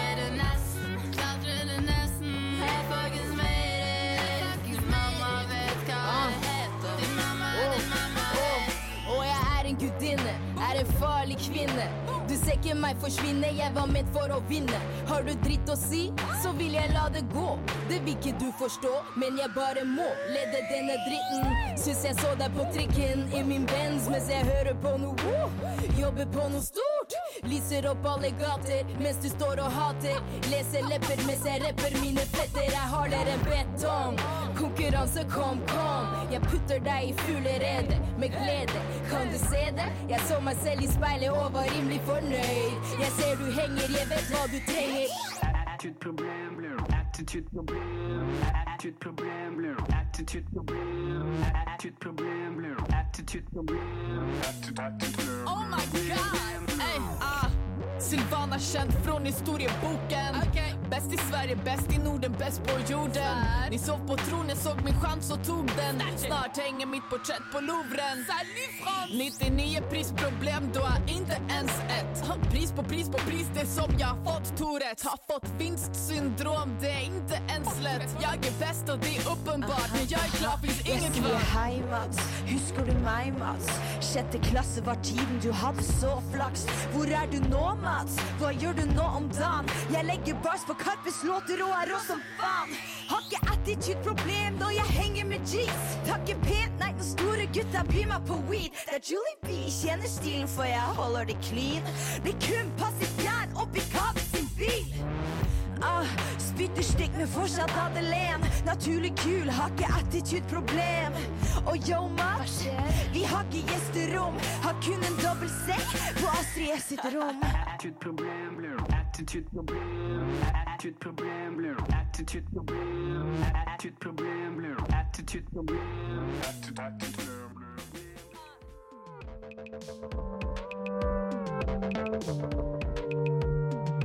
Thank thank you